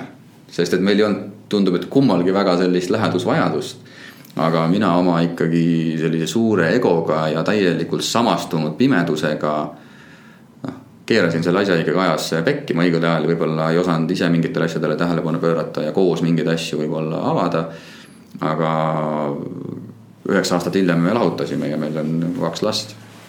ja siis äh, läksin nii-öelda armastust otsima, sest noh, ilmselgelt mulle tundus, et kurat, see oli vale värk, et tuleb ikka tõeline armastus leida. ja siis äh, kohtasin ühe naisterahvaga ja see oli väga kiire põlemine, see oli mingi poolteist, kaks aastat ja, ja lihtsalt äh, võib niimoodi sõnastada, et tema ei tolereerinud sellist meheks või kaaslaseks olemise stiili. ja piltlikult öeldes ta ikkagi viskas mu tänavale, aga vahepeal oli jõudnud üks äh, laps sündida. nii et äh, see oli minu jaoks selline wake up call ja ma sain aru, et ma teen midagi väga-väga valesti ja ma tol hetkel veel ei saanud aru, mis see on, aga ma sain aru, et tegelikult suur osa asi on minus ja võib-olla me mõlemad olime ka suhteliselt sellised impulsiivsed ja ta ei osanud minu keeles rääkida neid asju, mida ta tahtis, vaid see alati viis selliste tapvate konfliktideni. ja nüüd mul on nagu tükk maad noorem abikaasa, me oleme ka kaks aastat abielus olnud ja sügisel saab viis aastat, me oleme koos olnud. ja tema tegelikult täpselt samade sõnumitega tuleb nagu mul see eelmine kaaslane, aga ta räägib läbi teadlikkuse, ta on tohutult teadlik, ta on kahekümne seitsme aastane. aga see, mis meid kokku viis, ma olin kolmekümne kuuene, tema oli kakskümmend kaks, oligi puhtalt teadlikkus, et me olime selgelt erinevates elufaasides. aga see, mis meid liitis, oligi see, et me resoneerusime sellisel nagu kõrgemal sfääril nii tugevalt, et kõik need maised probleemid ja häirivad asjad, mis me üks, üksteise juures võib-olla ka märkasime me sidusime sealt kõrgemal korruselt selle kokku ja nüüd tema on aidanud mul nende aastate jooksul ikkagi mehena päris paljudest asjadest aru saada. ja võib-olla isegi natukene paremaks meheks saada, et eh, mul on väga pikk maa minna selles osas. aga ma olen endale võtnud selle mm, nagu kohustuse, et mitte ainult siis vaimses mõttes areneda, aga aga kuna meil on pikk elu ees ja meil on nagu väike laps, siis eh, ma pean olema ka hea mees ja ma tahan olla hea mees ka talle kaaslasena nii et kui sa küsid, et mis on need valemid, siis ma ei tea. aga, aga millised on siis nüüd ütleme selle viimase suhte juures need üks, kaks, kolm näiteks või üks suurimaid. Äh, mida siis see naine on sul aidanud nüüd täna sinu juures nagu parendada, mis on see, mis sa märganud, mida sa enne ei teinud näiteks? nagu kõikides muudes elualades, siis kindlasti teadvustamise võime. sest et äh, noh, üks asi, mida me teeme, kui me lähme mingil teemal konflikti ja catch ima hakkame siis äh, ikkagi varem või hiljem üks nagu tuleb teadvele ja, ja väga tihti on see, et me keset seda tüli, üks hakkab naerma. sest et ta, ta, ta, tal õnnestub kuidagi spontaanselt tulla sellest äh, hirmunud egost välja ja ta näeb seda kõrvalt, täitsa hulluks läinud nagu, et. ja, ja, ja siis, kui, kui teine pool näeb, et vau wow,, et üks hakkab naerma, siis ta saab aru, et mingi, et noh, et see ei ole päris nagu ja siis on võimalik näiteks ära lahustada. siis äh, teine asi ikkagi dialoog, et äh, me räägime asjad, asjad läbi, et ja seal on kindlasti tema pool hästi-hästi suur, sest et mina olen oma sellise nagu ego poolel ikka väga impulsiivne, et ma hästi kiiresti lähen põlema, ma süttin, ma reageerin kergesti. ja tema ikkagi oma sellise sügava tarkusega suudab neid tuurid maha võtta, davai, räägime. ja ta mõnikord räägib mulle tund aega mingeid teemasid. et ma saan lõpuks aru, ta jõuab lõpuks minu keeles mulle selgeks teha, et mida ma valesti teen, miks tema tunneb niimoodi. Miks tema näiteks näeb asju niimoodi ja ma saan aru, et oh, täitsa lõpp, et tegelikult tal on õigus. ja hästi-hästi palju on olnud selle viie aasta jooksul, et me selle pika dialoogi lõpuks ma saan aru, et täitsa lõpp, et. et mina mõttes süüdistan teda, aga tegelikult tõepoolest on niimoodi ja siis on väga lihtne sealt minna ja vabandada ja. ja, ja kallistada, just selline ütleme, konstruktiivne konfliktidest läbiminemine on kindlasti üks olulisemaid asju, mida ma täna julgen öelda, et on. aga see eeldab ka meeletut ausust iseenda ja teise vastu. ja tahet. ja tahet, just tahtmist, tahtmist, tahtmist lahendada asju. jah, täitsa nõus vahel äh, enda puhul, enda suhte puhul just märganud seda, et mina olen sihuke suhteliselt impulsiivne mm. -hmm. mu kaaslane on suhteliselt impulsiivne, eks ju mm -hmm., sihuke vene temperamendiga ja mm. -hmm ja mis siis juhtub, et äh, kui üks meist emotsionaalselt nii-öelda käivitub, eks ju mm, -hmm. kaotab oma teadlikkuse kõik ära, emotsioonid mm, -hmm. ego võtab üle. teine tuleb ka kohe kaasa ja mm, -hmm. ja mis ma olen enda puhul tihti märganud, et ma nagu kuskil näen läbi, et oot-oot-oot, me kumbki ei ole hetkel adekvaatne mm. -hmm. me lihtsalt kaks ego võitlevad omavahel mm, -hmm. tegelikult mõlemad vajavad armastust. aga sel hetkel minu jaoks nagu vaatamata sellele, et ma seda nagu läbi näen ta on minu jaoks nii vastik sel hetkel, et mm -hmm. ma ei mhm. suuda talle mm -hmm. pakkuda armastust mm. -hmm. vaid ma nagu tahan edasi püsida selles mingisuguses kaklemises ja yeah, kuidagi yeah. Ei anna nagu egole rahu, et oot, aga oleks nüüd mina see, kes lihtsalt lõpetaks ära, läheks kallistaks, läheks, oleks olemas, kuulaks ära mm. -hmm. et, et see on nagu minu sihuke suurim, suurim nagu väljakutse, et kuidas nagu. kas sa oled märganud ka okserefleksi? ei, seda ei ole olnud veel. no vot, mul oli okserefleks. mul oli reaalselt okserefleks, kui me olime tülis ja, ja ma, ja ma, ma tundsin, et äkki tal on õigus siis mul tuli okserefleks, ma tahtsin, mu ego tahtis oksendada. et see on nii vastik on seda tunnistada ja see oli mingi asi, mida ma hakkasin ühel hetkel näiteks läbi nägema. ja nii kui mul okserefleks tuli, nii ma sain aru, et midagi on nagu väga valesti, et mul, et mu ego hoiab nii kinni mingisugusest oma sellest äh, kontseptsioonist. siis üks asi, mida ma olen reaalselt õppinud tegema, täpselt see, mida sa praegu ütled, et sa veel ei ole, aga sa õpid selle kindlasti varsti ära. ongi see, et et kui sa saad teadlikumaks, siis sa hakkadki eristama seda, et on äh, kontseptsioon, läbi mille mina olukorda näen. Siis on äh, emotsioon, mis on sellele kontseptsioonile tegelikult reageerinud. ja nüüd sellest emotsioonist tekivad siis teatud sellised kehalised impulsid, et mida nüüd peaks tegema, kas võitlema, uksi paugutama, äh, häält tõstma, et see on selline ahel ja nüüd sa hakkad seda läbi nägema. ja nüüd sul tekib ühel hetkel võime seda kompleksi ignoreerida. ja ignoreerides seda mõte, kontseptsioon, tunded, impulsid, sa lähed lihtsalt ja kallistad. Ja see oli üks asi, mida ma õppisin lihtsalt ära, et kuigi ma olen tema peale väga-väga vihane, siis ma paar korda avastasin, et kui ma lähen tegelikult sinna ja kallistan teda. et siis ma tunnen, et see lahustub nagu ära ja kuna tema on ka piisavalt teadlik ja vot eelmises suhtes seda ei tulnud vastu, kuna tema on ka teadlik mm, -hmm. siis ta sel hetkel ei hakka võitlema, vaid ta isegi kui ta ei naerata siis äh, mõnikord ta seisab käed rüppes, sest ta on nii vihane mu peale ja nüüd ma siis nagu kõksan teda ja ütlen, kuule, mina kallistan, et proovi ka, et mina tulin läbi sellest, tule ka läbi. ja siis ka tema teeb mõnikord sellise nagu lõdvade kätega, sest temal on see vastikustunne veel olemas nagu. aga siis, kui me seal oleme nagu kolmkümmend sekundit, siis see lahustub ära ja siis me saame näiteks läbi ja siis me istume maha. ja siis me kirjeldame oma maailma, et kus maailmas mina praegu elan. et minu maailmapilt on praegu selline, et juhtus selline asi, sa tegid sellist asja. minu maailmas sa tegid seda sellepärast. ja siis ma räägin selle story talle lahti, ütleb, et täiesti vale stsenaarium. Ütlen davai, räägi enda lugu siis lahti, siis ta räägib, et minu maailmas sina tegid niimoodi, niimoodi, niimoodi. välja oled või? üldse ei teinud selle pärast ja avastadki, kuidas kaks kontseptsiooni on omavahel põrkunud. ja kumbki ei soovinud halba ja me oleksimegi jäänud konflikti, kui me ei oleks selle kallistuseni jõudnud ja dialoogini jõudnud. nii et jah. hea, et sa seda mainid, sest ma saan siin kinnitust iseendale ja, ja saan ka praegu kuulajatele öelda selle pealt ja ka Martinile öelda seda, et kui ma ütlen, et minu suhtes ei ole tülisid mitte kunagi olnud kuue aasta jooksul mm, -hmm. siis ma ei valeta mm. -hmm. Hetki, kus võiks tülli minna, on olnud piisavalt mm -hmm.. võib-olla, võib-olla viis niimoodi mm -hmm. puusalt pannes, võib-olla ei mäleta mõnda. aga seesama asi, mis sina rakendad praegu, rakendan mina alati enda suhte juures mm -hmm.. eks kui nii, kui ma näen, et asi läheb hapuks, on see, kus nagu on sihuke tunne nagu, et tahaks nagu rusikaste laulu öelda, et perseraisk, kuidas sa üldse ei kuule mind, ma ei saa aru mm. -hmm siis mul nagu, minul tuleb automaatselt enne seda suurt viha tuleb mul äh, kuidagi on hakanud tulema see, ütleme siin selle, just selles suhtes on hakanud tulema pärast siis noh, kuna eelmine suhe oli mul, kui ma olin kaheksateist mm. -hmm. noh, see oli, ja ma olin üksinda viis aastat. Ma olen nagu kuus aastat suhtes, siis temaga, tänu sellele, et ta on ka selline introvertne ja vaikne ja, ja väga analüüsib ja väga filosofeeriv inimene. siis minul on, minus on tekkinud sihuke nagu rahulolu ja kohalolek, et ma ju tean, mul on valik mm. -hmm. mul on kas valik, nagu sa ütlesidki, kas visata see pann vastu seina, midagi puruks ja ropendada, karjuda mm. -hmm. või saada aru tegelikult sellest, et kui niimoodi reageerin, siis tegelikult läheb perse mm. -hmm. siis miks ma pean niimoodi reageerima mm, -hmm. tegelikult mul pole põhjust mm. -hmm. ehk siis äh, minu, minu nagu oskus, mida ma näinud nende suhte peal ongi see, et. Et mina olen olnud alati tavaliselt see initsiaator, kes läheb ja teeb selle kalli või selle lepituse mm. -hmm. et kuule, kuuled, et sorry, aga see on suht naeruväärne olukord praegu, tegelikult ei ole põhjust tegelikult üldse niimoodi käituda, et istume maha, räägime korra. kust sa tuled, kust tulen mina mm. -hmm. ja siis me oleme jõudnud samad asjad nagu sina rääkisid praegu, et sa saad aru tegelikult, et täiesti, täiesti mööda üksteist rääkinud yeah, yeah. ja täiesti valesti üksteist tõlgendanud. Probleem tegelikult selles, et me suutnud lihtsalt väljendada tol hetkel yeah.. aga just see, et see ei lähe nagu selle emotsiooni ja selle, selle nagu reageeringu niimoodi kaasa, et plahvatan, vaid ma suudan nagu ennast kontrollida ja mõista, mul on ju praegu valik, kas pakkuda armastust või olla selles viha ja selles vastikust tundes ja minna ära ja teha asi hullemaks mm. -hmm. see on pigem valida selle, ma olen alandlik mm. -hmm. surun selle egole nagu noa kõril nii-öelda ja lähen, palun vabandust mm. -hmm. et see nagu minu puhul töötab väga hästi mulle tundub, et see on hästi tugevalt ka seotud selle vastaspoole käitumisega, et kui vastaspool, sõltub sellest, et, et kumb on tervem. noh, selles mõttes nagu pekkis oleme mõlemad niikuinii, et see on nagu, me alati tuleme mingite lapsepõlve haavadega. nüüd kumb on tervem ja, ja missugune haav on all. nüüd, kui äh, mingi minu kui mehe käitumine ikkagi vajutab minu kaaslase kõige valusama haava peale, siis äh, sealne käitumine ei pruugi olla selline vaikne ja introvertne mm, -hmm. vaid sealt võib tulla ikka selline tuumapomm sulle. Et ta ja, ja, ja tema vajutab vastu täpselt neid asju, mis on sinu kõige nagu valusamad kohad. ja vot seal selle teadlikkust säilitada on nagu oluliselt äh, keerulisem.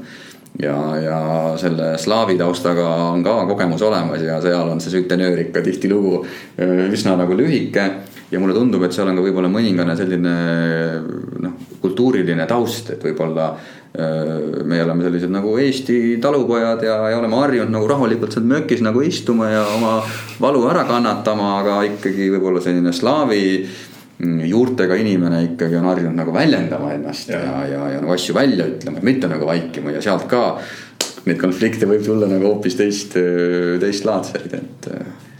aga tõepoolest, ma arvan, meie arengule on tohutult kasulik see, kui teine pool suudab mingis olukorras võib-olla jääda vaikseks ja siis sul on võimalik protsessida siis ma mõtlen, okei okay,, et praegu tõesti on targem minna ja, ja võib-olla see kalli teha nii et äh, see on ühelt poolt sul on vedanud ja ka teiselt poolt tõenäoliselt sul on ka ikkagi äh, teadlikkus äh, kasutuses tööriistana oluliselt rohkem kui paljudel teistel mm -hmm. meestel sel hetkel. et teised mehed rohkem võib-olla toetuvad selle kontseptsiooni ja emotsiooni peale, sealt see jõud tuleb. aga sa suudad ikkagi teadvustada ja öelda, et okei okay,, et see jõud on olemas, impulss on olemas. aga ma teen täna midagi muud mm. -hmm. see ongi see sisemine tarkus võib-olla. huvitav jah kuidas nagu üldse elu on ju valikute küsimus, iga päev on valikute küsimus mm.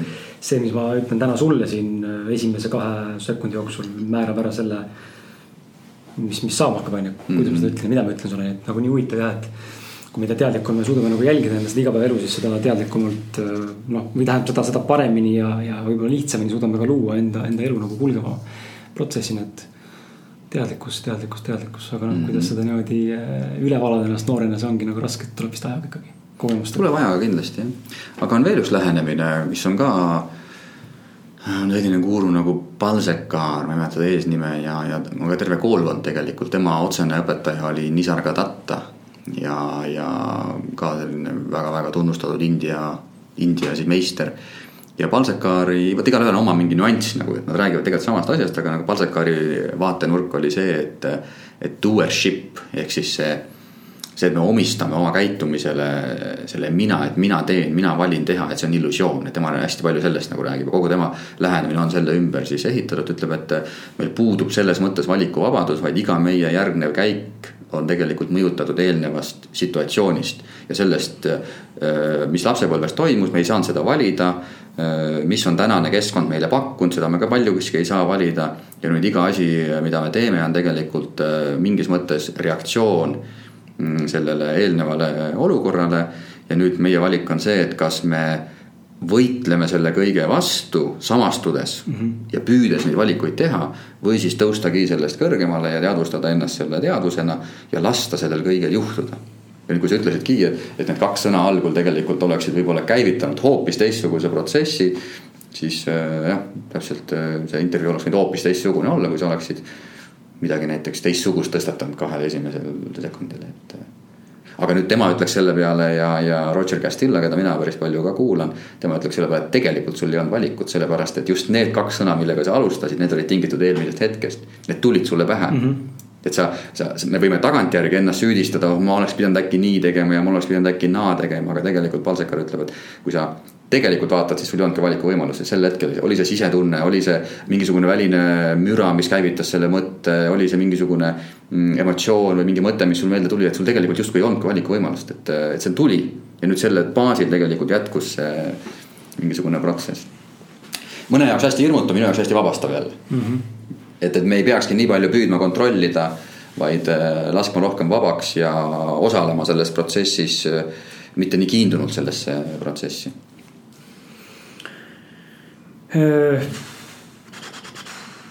ma võin küsida vahepeal, kui sul. mul tegelikult on, lähme korra, enne kui Martin siis äh, saab ilusti sõna, võtame selle teise ka minu hästi, minu jaoks hästi olulise, ma tean tegelikult, tegelikult ka Martini jaoks hästi olulise, üldse tegelikult inimeste jaoks hästi olulise teema. sotsiaalmeedia.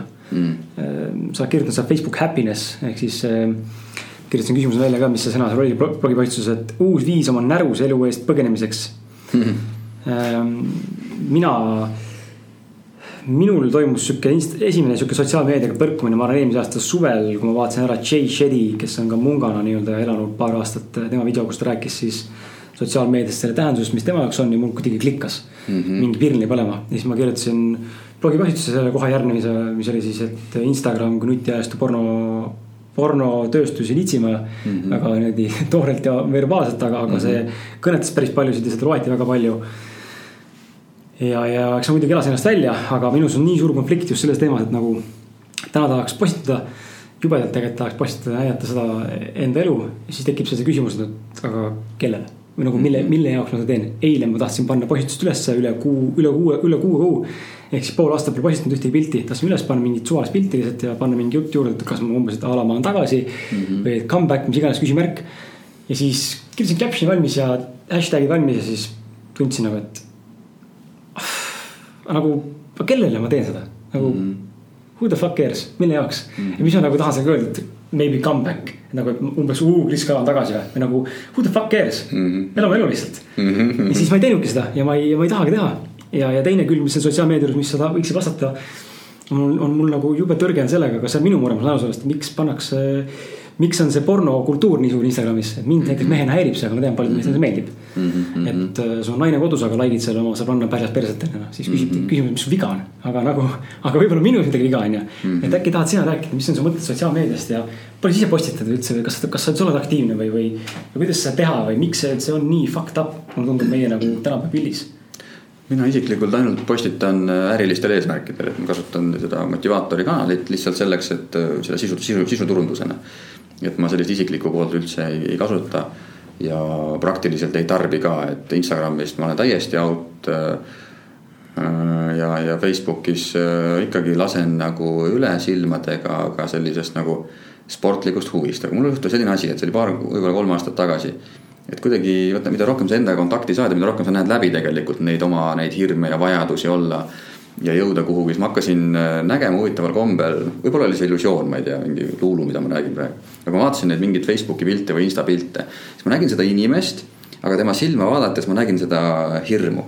tühjus kurb. tühjust, jah ja ma hakkasin kuidagi nii selgelt seda kahte tasandit nägema, et okei okay,, et jälle üks õnnetu ohver. jälle üks, kes on baseerinud siia sellise nagu toreda pildi ja ma vaatan talle silma ja ma kuidagi intuitiivselt tundsin ära selle ebakindluse ja selle vajaduse tegelikult. ja siis see laienes kuidagi tänaval näiteks, et ma nägin neid inimesi ma hakkasin nägema, et pagan küll, et me oleme nii ühesugused, et näed, siin on veel üks mees, kes tahab ka edukas olla. ja ka tema pingutab tegelikult, et nagu jõuda oma eluga kuhugi, et olla keegi, keda nagu teatakse. ja siin on üks naine, kes tahab ka nagu armastatud olla ja kes tahab ka võib-olla leida seda ilu, ilusat armastavat meest ja luua see pere. ma nägin, me oleme kõik nagu ühesugused ja meil on tegelikult inimese tasandil nii sarnased vajadused, mis on hästi-hästi normaalne, et me tahamegi seda. ja nüüd, kuni sotsiaalmeediat ei olnud, siis meie ainukeseks võimaluseks seda saavutada oli nagu päriselt midagi ära teha. ehk siis sa pingutasid, jõudsid kuhugi, nüüd ma olin keegi. aga sotsiaalmeedia on loonud nagu võimaluse. Fake ida seda. ära petta, jah, et sa tegelikult nagu ei ole, aga sa fabritseerid siis mingi pildi või sa fabritseerid endast mingisuguse story ja siis sa ise ka võib-olla tead, aga ühel hetkel sa hakkad ise ka võib-olla uskuma, et sa oled rohkem, kui sa oled, aga sa näed, et tõepoolest sul on võimalik ennast näidata mingitest külgedest. mis tegelikult sa võib-olla mitte kunagi sinuni ei jõua aga sa justkui nagu saad osa juba sellest. ja nüüd seal jällegi on see kaks tasandit, on see nagu õnnetu ebakindel mina, kes kasutab seda platvormi siis lihtsalt. Boost imiseks, ego boost imiseks või? Boost imiseks, et olla keegi et vähemalt, vähemalt need neli inimest, kes mulle like'i panid, et nemad ütlevad, et ma olen keegi nagu, et, et nemad vähemalt ütlevad oma like'iga, et okei okay,, sul on kõik hästi see on tegelikult. see val- validation nii-öelda. jah, validation, et sul on suhtes kõik hästi, ma panen sulle like'i, et sa oled, sul, sul on kõik hästi nagu. et, et seda ma hakkasin nii selgelt läbi nägema ja siis ma tundsingi, et vau wow,, et seda küll ei taha nagu, et, et ma, et ma teadlikult hakkasin seda osa vältima. nii et see on tänane selline perspektiiv, samal ajal kui me räägime nagu ärimaailmast ja me teenime ikkagi raha, siis on ju väga palju ikkagi selliseid äh, ärilisi eesmärke ka, et milles ei ole mitte midagi halba. ja kui sina lood endast ikkagi teatud sellise persooni brändi. Kris Kala olid sa mm -hmm. ja Kris Kala is back piltlikult öeldes ja sa tead, et see kellegi jaoks on inspireeriv ja, ja ta võib osta võib-olla sinu raamatu või mida iganes sa selle, selle all nagu müüd, ma arvan, et see on jumala fine, et sa tegelikult kasutad seda meediumina sellepärast, et et seda me oleme alati vajanud, meil on vaja olnud reklaame, et oma tooteid reklaamida, lihtsalt varem me pidime maksma, ma ei tea, Postimehele selle eest, et saada reklaami. nüüd, miks seda nimetataksegi sotsiaalmeedia, et sa saad nagu inimeselt inimesele neid asju teha ja mina isiklikult kasutan näiteks täpselt motivaatorit sellel eesmärgil. et äh, lihtsalt, et oma äri teha ja seal ei ole üldse seda ambitsiooni, et kuidagi näidata ennast noh, selle isiksusena mm. -hmm kuigi ma ole- olen selle väga tugev ohver olnud, et ma tean väga hästi, mida see tähendab, et. et kui sa tunned, et ma, et ma vajan seda välist äh, validation'it äh, kogu aeg. ja nüüd, mis seda pornokultuuri mm -hmm. puudutab mul on seal ka oma teooria, miks nagu porno nii populaarne on tänapäeval.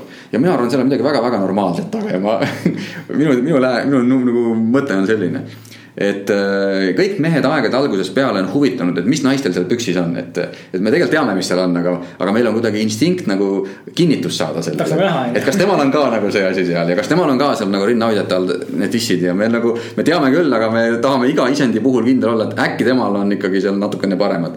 ja nüüd äh, äh, läbi ajaloo me oleme pidanud siis äh, võib-olla pingutama ja olema nagu liiderlikud ja, ja, ja olla naisi jahtima, et saada kinnitust oma sellele otsingule, et oi kurat, temal oli ka nagu, jõudsin voodisse, oh temal oli ka nagu.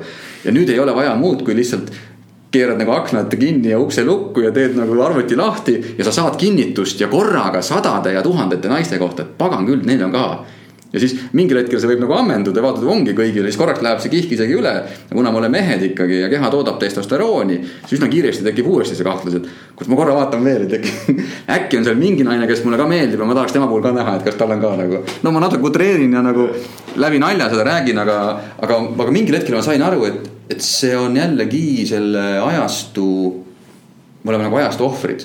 et see, et ajastu pakub meile nii lihtsa võimaluse oma selliseid loomulikke ihasid rahuldada. rahuldada, siis peab olema ikkagi nagu väga-väga tugev ja teadlik, et nendele vastu saada. ja kes on lugenud budisti, budismi, buda, buda lugu, siis ju Maara oli siis see, see kurat väike, kes siis talle seal äh, bodipuu all saatis neid ahvatlusi, et kas ta nagu suudab veel tõmmata sellesse samsaarasse tagasi. ja viimane kaart siis, mis seal Maaral oligi, olidki naised, kes teadsid, no ilusatele naistele ei suuda mitte ükski mees vastu panna ja, ja Buda nagu ületas ka selle iha ja põhimõtteliselt siis ta saigi nagu valgustatuks. aga noh, selles loos endas näitab, et kui sul midagi muud ei ole, siis saada üks paljas naine ja siis See- sa saad. see ikka töötab. see ikka töötab. ja nüüd loomulikult, et äh, kuna me elame ikkagi sellises üsnagi seksuaalsusele kallutatud ühiskonnas, siis sa ütlesid väga hästi, et sind häirib, mind ka häirib see, kui ma tahan võib-olla tõesti mm, lugeda mingisugust artiklit lihtsalt, aga mingi poolpaljas nagu naine kuskil sul bänneri peal vilgutab mingisuguse. noh, ma ei mõtle päris porno, pornoreklaami, aga lihtsalt sa näed, et kogu see reklaam on üles ehitatud lihtsalt seksuaalsusele, see on kõige odavam võte. siis paratamatult sa saad selle tähelepanu. et see, kas sa lõpuks selle toote ostad või mitte, aga sa saad nagu tähelepanu. nii et äh, jah, ma ei, väga ei kiida selle, et selle pealt tegelikult ju noh, mul on vale öelda selle pealt väga paljud, aga nähes seda, mida ma näinud olen, täna ma muidugi olen lihtsalt võtsin kõik need, enne kui ma lahkusin Instagramist, võtsin lihtsalt follow list'i võimalikult tühjaks, ma ei näeks neid pilte onju mm. -hmm. aga väga paljud just selle seksuaalse peale ennast üles ehitavadki, sest et mulle tundub, et minu enda loogika on see, et kui sa naisterahvana. Olles siis kas vabavallaline või isegi suhtes, mis on eriti halb stsenaarium mm. -hmm. kui sa endast siukseid pilte pidevalt üles paned ja sinu feed'is sajast pildist üheksakümmend on sinu paljad tissid ja paljad pepud on ju okei okay,, Mhm. bikiinides küll on ju, aga siiski või mingi imenurgal. või mingis poosis, kus sa ise mitte kunagi päriselt ei oleks pildi ja noh mm. -hmm. pilti teed ainult oled, on ju. Mhm. et ebaloomulikud poosid eh, sinu keha jaoks siis sellega sa pead ikkagi korvama mingeid alaväärsuskompleksi või mingit meeletut nagu e- ebakindlust iseendas või, või.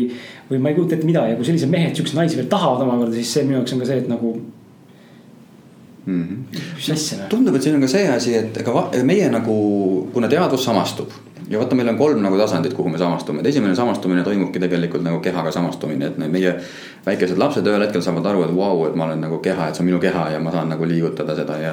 ja siis kolm, teine aspekt on see nimega samastumine, ta saab aru, et okei okay,, mina olen nagu see nimi ja nüüd mul hakkab see lugu tekkima ja siis hakkab see kontseptsioonidega samastumine ühesõnaga samastumisel on nagu mitu astet ja minu õpetaja on öelnud, et see on nagu vanadel raadiotel on nagu välja tõmmatav antenn. et algul on antenn sees, siis esimene antenni, esimese jupi tõmbad välja, on see I am mm. -hmm. ma tean, et ma olen. nüüd tõmbad teise jupi välja, et ma olen keha. okei okay,, mul on siin keha, ma olen, mul on keha.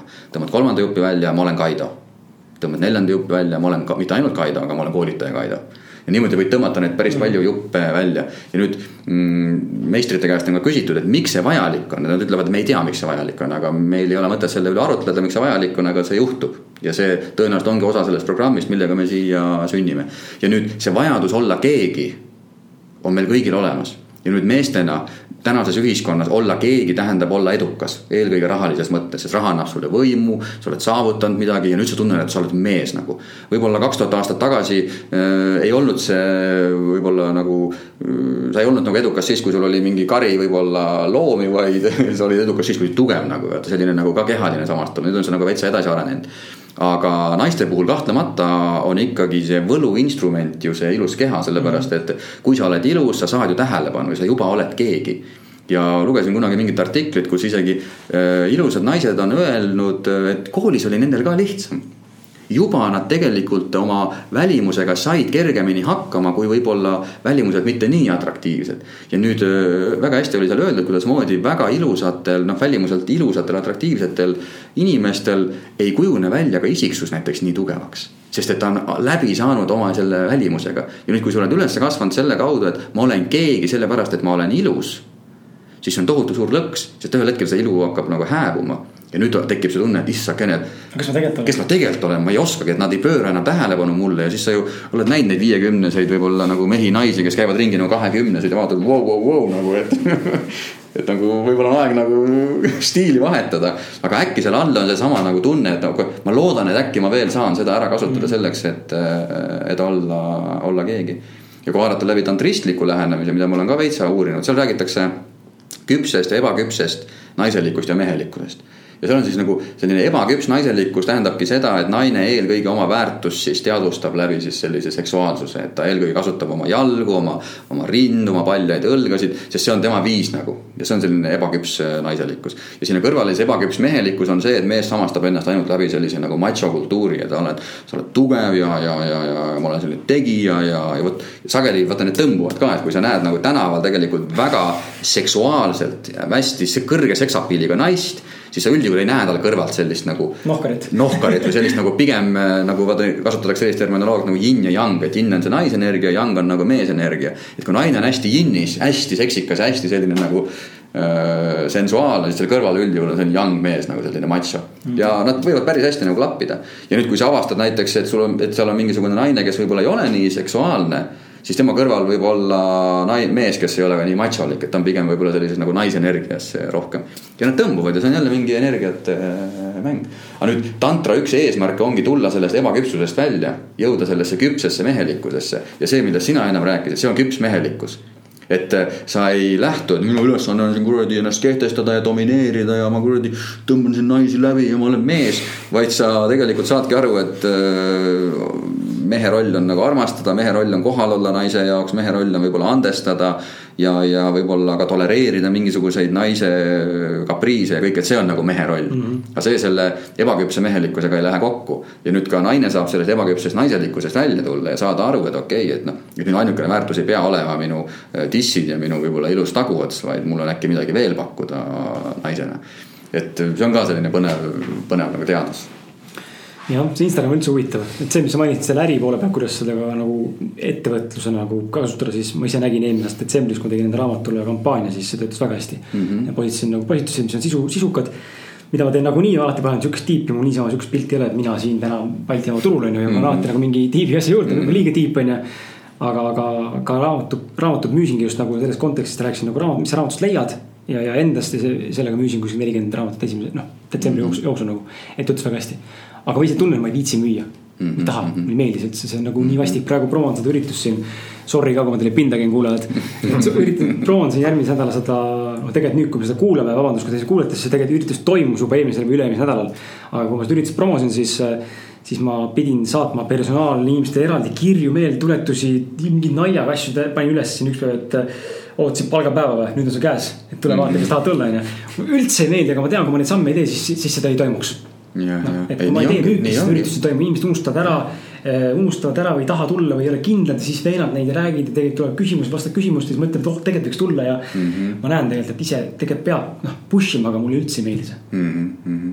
nõus, sisekosmosel mul oli samamoodi, et ma tegelikult see oli üks minu sissetuleku allikatest, see kaubandusäri ei läinud nii päris käima, nagu ma ootasin ja, ja lõpuks oligi nii, et ma sain ühelt naiselt nagu kirja täitsa, et et Kaido, et sinu kirjad on läinud nagu üsna selline agressiivseks ja, ja varem ma tarbisin sisekosmos sellepärast, et ma sain sealt inspiratsiooni, aga nüüd ma tunnen, et sa püüad päris palju müüa ja see oli minu jaoks selline ahhaa-moment ja mõtlesin, ma, ei taha nende inimeste kogemust ära rikkuda, et kui mm -hmm. nemad mhm. käivad lugemas sellepärast, et inspiratsiooni saada, ma pean oma nende ütleme siis äriliste ambitsioonide realiseerimiseks teise kanali leidma ja noh, siis tegelikult motivaator oli selleks väga-väga hea väljund ja.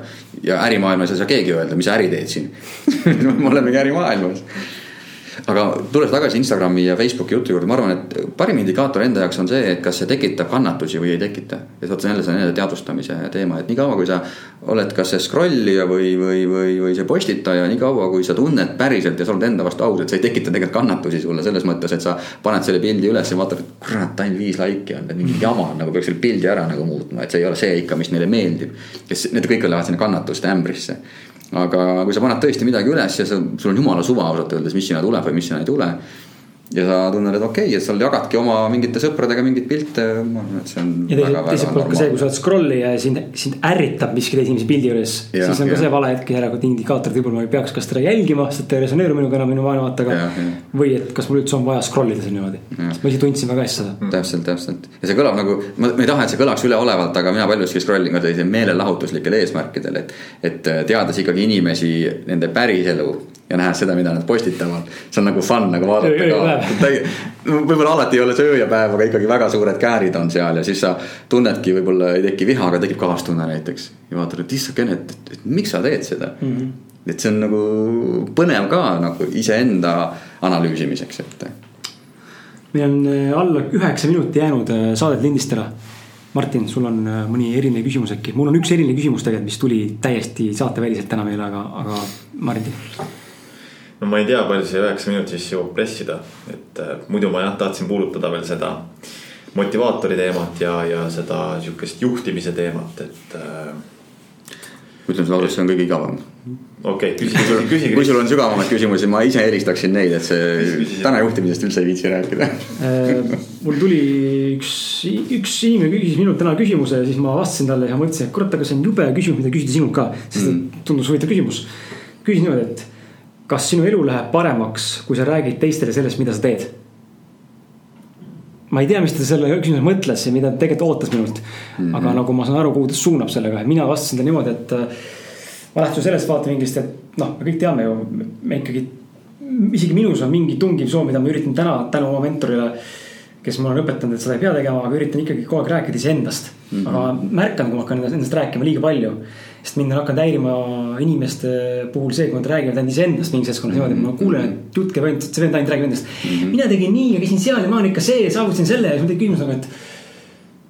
kas millestki muust ei võiks rääkida ainult sinust või mm -hmm., mitte nagu halvaga, lihtsalt viskab üle lihtsalt. ja minu mentor on öelnud, et, et mis mulle väga meeldib, mentor ütles niimoodi mulle, et, et kuna ta on väga suur Osho fänn, ütles niimoodi, et avalda oma arvamust ainult siis, kui küsitakse mm -hmm.. selline vait Mm -hmm. sest kedagi tegelikult ei koti, mis sa arvad, kui nad ei küsi ju mm -hmm.. noh, ja ma ise olen tähele pannud seda, kui, kui ma ei küsi ja sa hakkad rääkima, siis mind tegelikult ei huvita ja miks sa seda räägid mulle siis mm. -hmm. ehk siis võib-olla see küsimus, nagu mina ütlesin, vastasin selle küsimuse ka selle suunaga, et. et nagu võib-olla me tahame saada mingit ego täidet või, või kinnitust, et me oleme õigel teel või meil nagu jess, meil läheb hästi, ta arvab sama ja paned like'i meile ja. kiidad ja patsutad õlale, see on tubli poiss või. et äkki see on nagu ego täitmine või, või, või kuidas sina sellest küsimusest aru saad, et. kas su elu läheb paremaks, kui sa räägid teistele sellest, mida sa teed mm.? Ma vastan siis kohe otse, mis tuleb, et esimene asi on see, et äh, pole minu asi otsustada. ma ei saa otsustada, kas kellegi elu läheb paremaks või äh, ei lähe. teine asi, mis kohe praegu pähe tuleb, on see, et äh,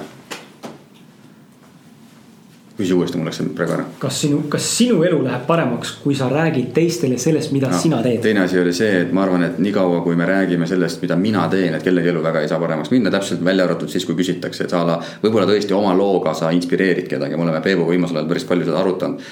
et mul abikaasa läks hiljuti ühele koolitusele, kus koolitaja põhimõtteliselt esimesed pool tundi rääkis oma lugu nagu näitas, ma ei tea, viis slaidi ära ja mu naine ütles pärast, et miks ma maksin selle eest selle raha, et kuulata mingi venna lugu, keda mind üldse ei huvita nagu. miks sa räägid mulle seda? Ja nüüd ongi see, et, et äh, me oleme koolitusel rääkinud või Peebuga arutanud just, et kui sa koolitusel üldse kasutad oma lugusid, siis ainult õigel hetkel, õiges kontekstis rõhutamaks mingit teemat, aga juba siis, kui inimestel on sinu vastu usaldus tekkinud, kui neid tegelikult võib huvitada see, et siis too see lugu sisse. ja seepärast mina oma koolitusel absoluutselt algul endast ei räägi, absoluutselt mitte ja, ja seepärast, kui sa ütled, et kui sa räägid, kuidas sul läheb, siis ma arvan, et on väga vähe inimesi, kes sellest võiksid mm. kasu saada, on mingi hulk on tõenäoliselt, kes samastuvad selle olukorraga ja nad saavad sealt mingisuguse võib-olla sellise nagu mõtte.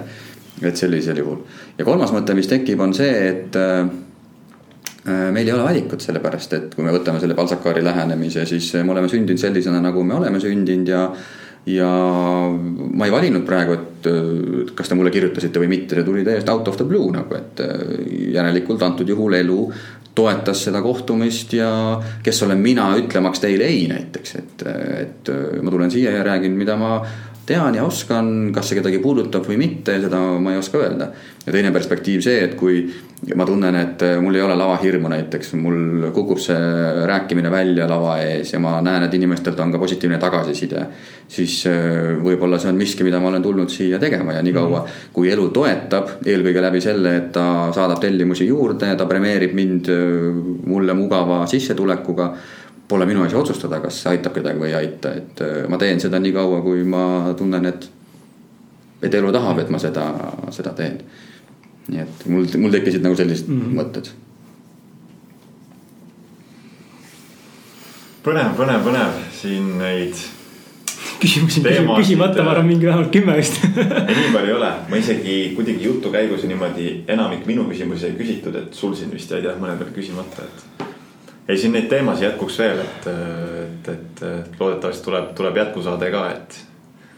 järelkohtumine. ma tunnen, et sihukest inimest, sellist inimest nagu sina, Kaido ja, ja teiste inimestega, kes on ka siuksed, kellel on, kes tahavad rääkida ja soovivad jagada ennast ja kellel on, mida öelda inimestele ja enda kogemust jagada siin tuleks julgelt see saate formaat tõmmata siukse kolmetunnise podcast'i peale, sest et äh, me näeme ise, me me me alustasime siukse tund poolteistkümnega külalistega. täna me mm -hmm. oleme sihuke alla kahe või kaks mm. -hmm. aga ma näen, et see tahab nagu vägisi, tahab see nagu pressida, see inspiratsioon ja see sees olemine sinna kolme tunni piiri juurde nagu ennast mm. -hmm. et ju siis tuleb võib-olla lasta proovida, kas see töötab või mitte.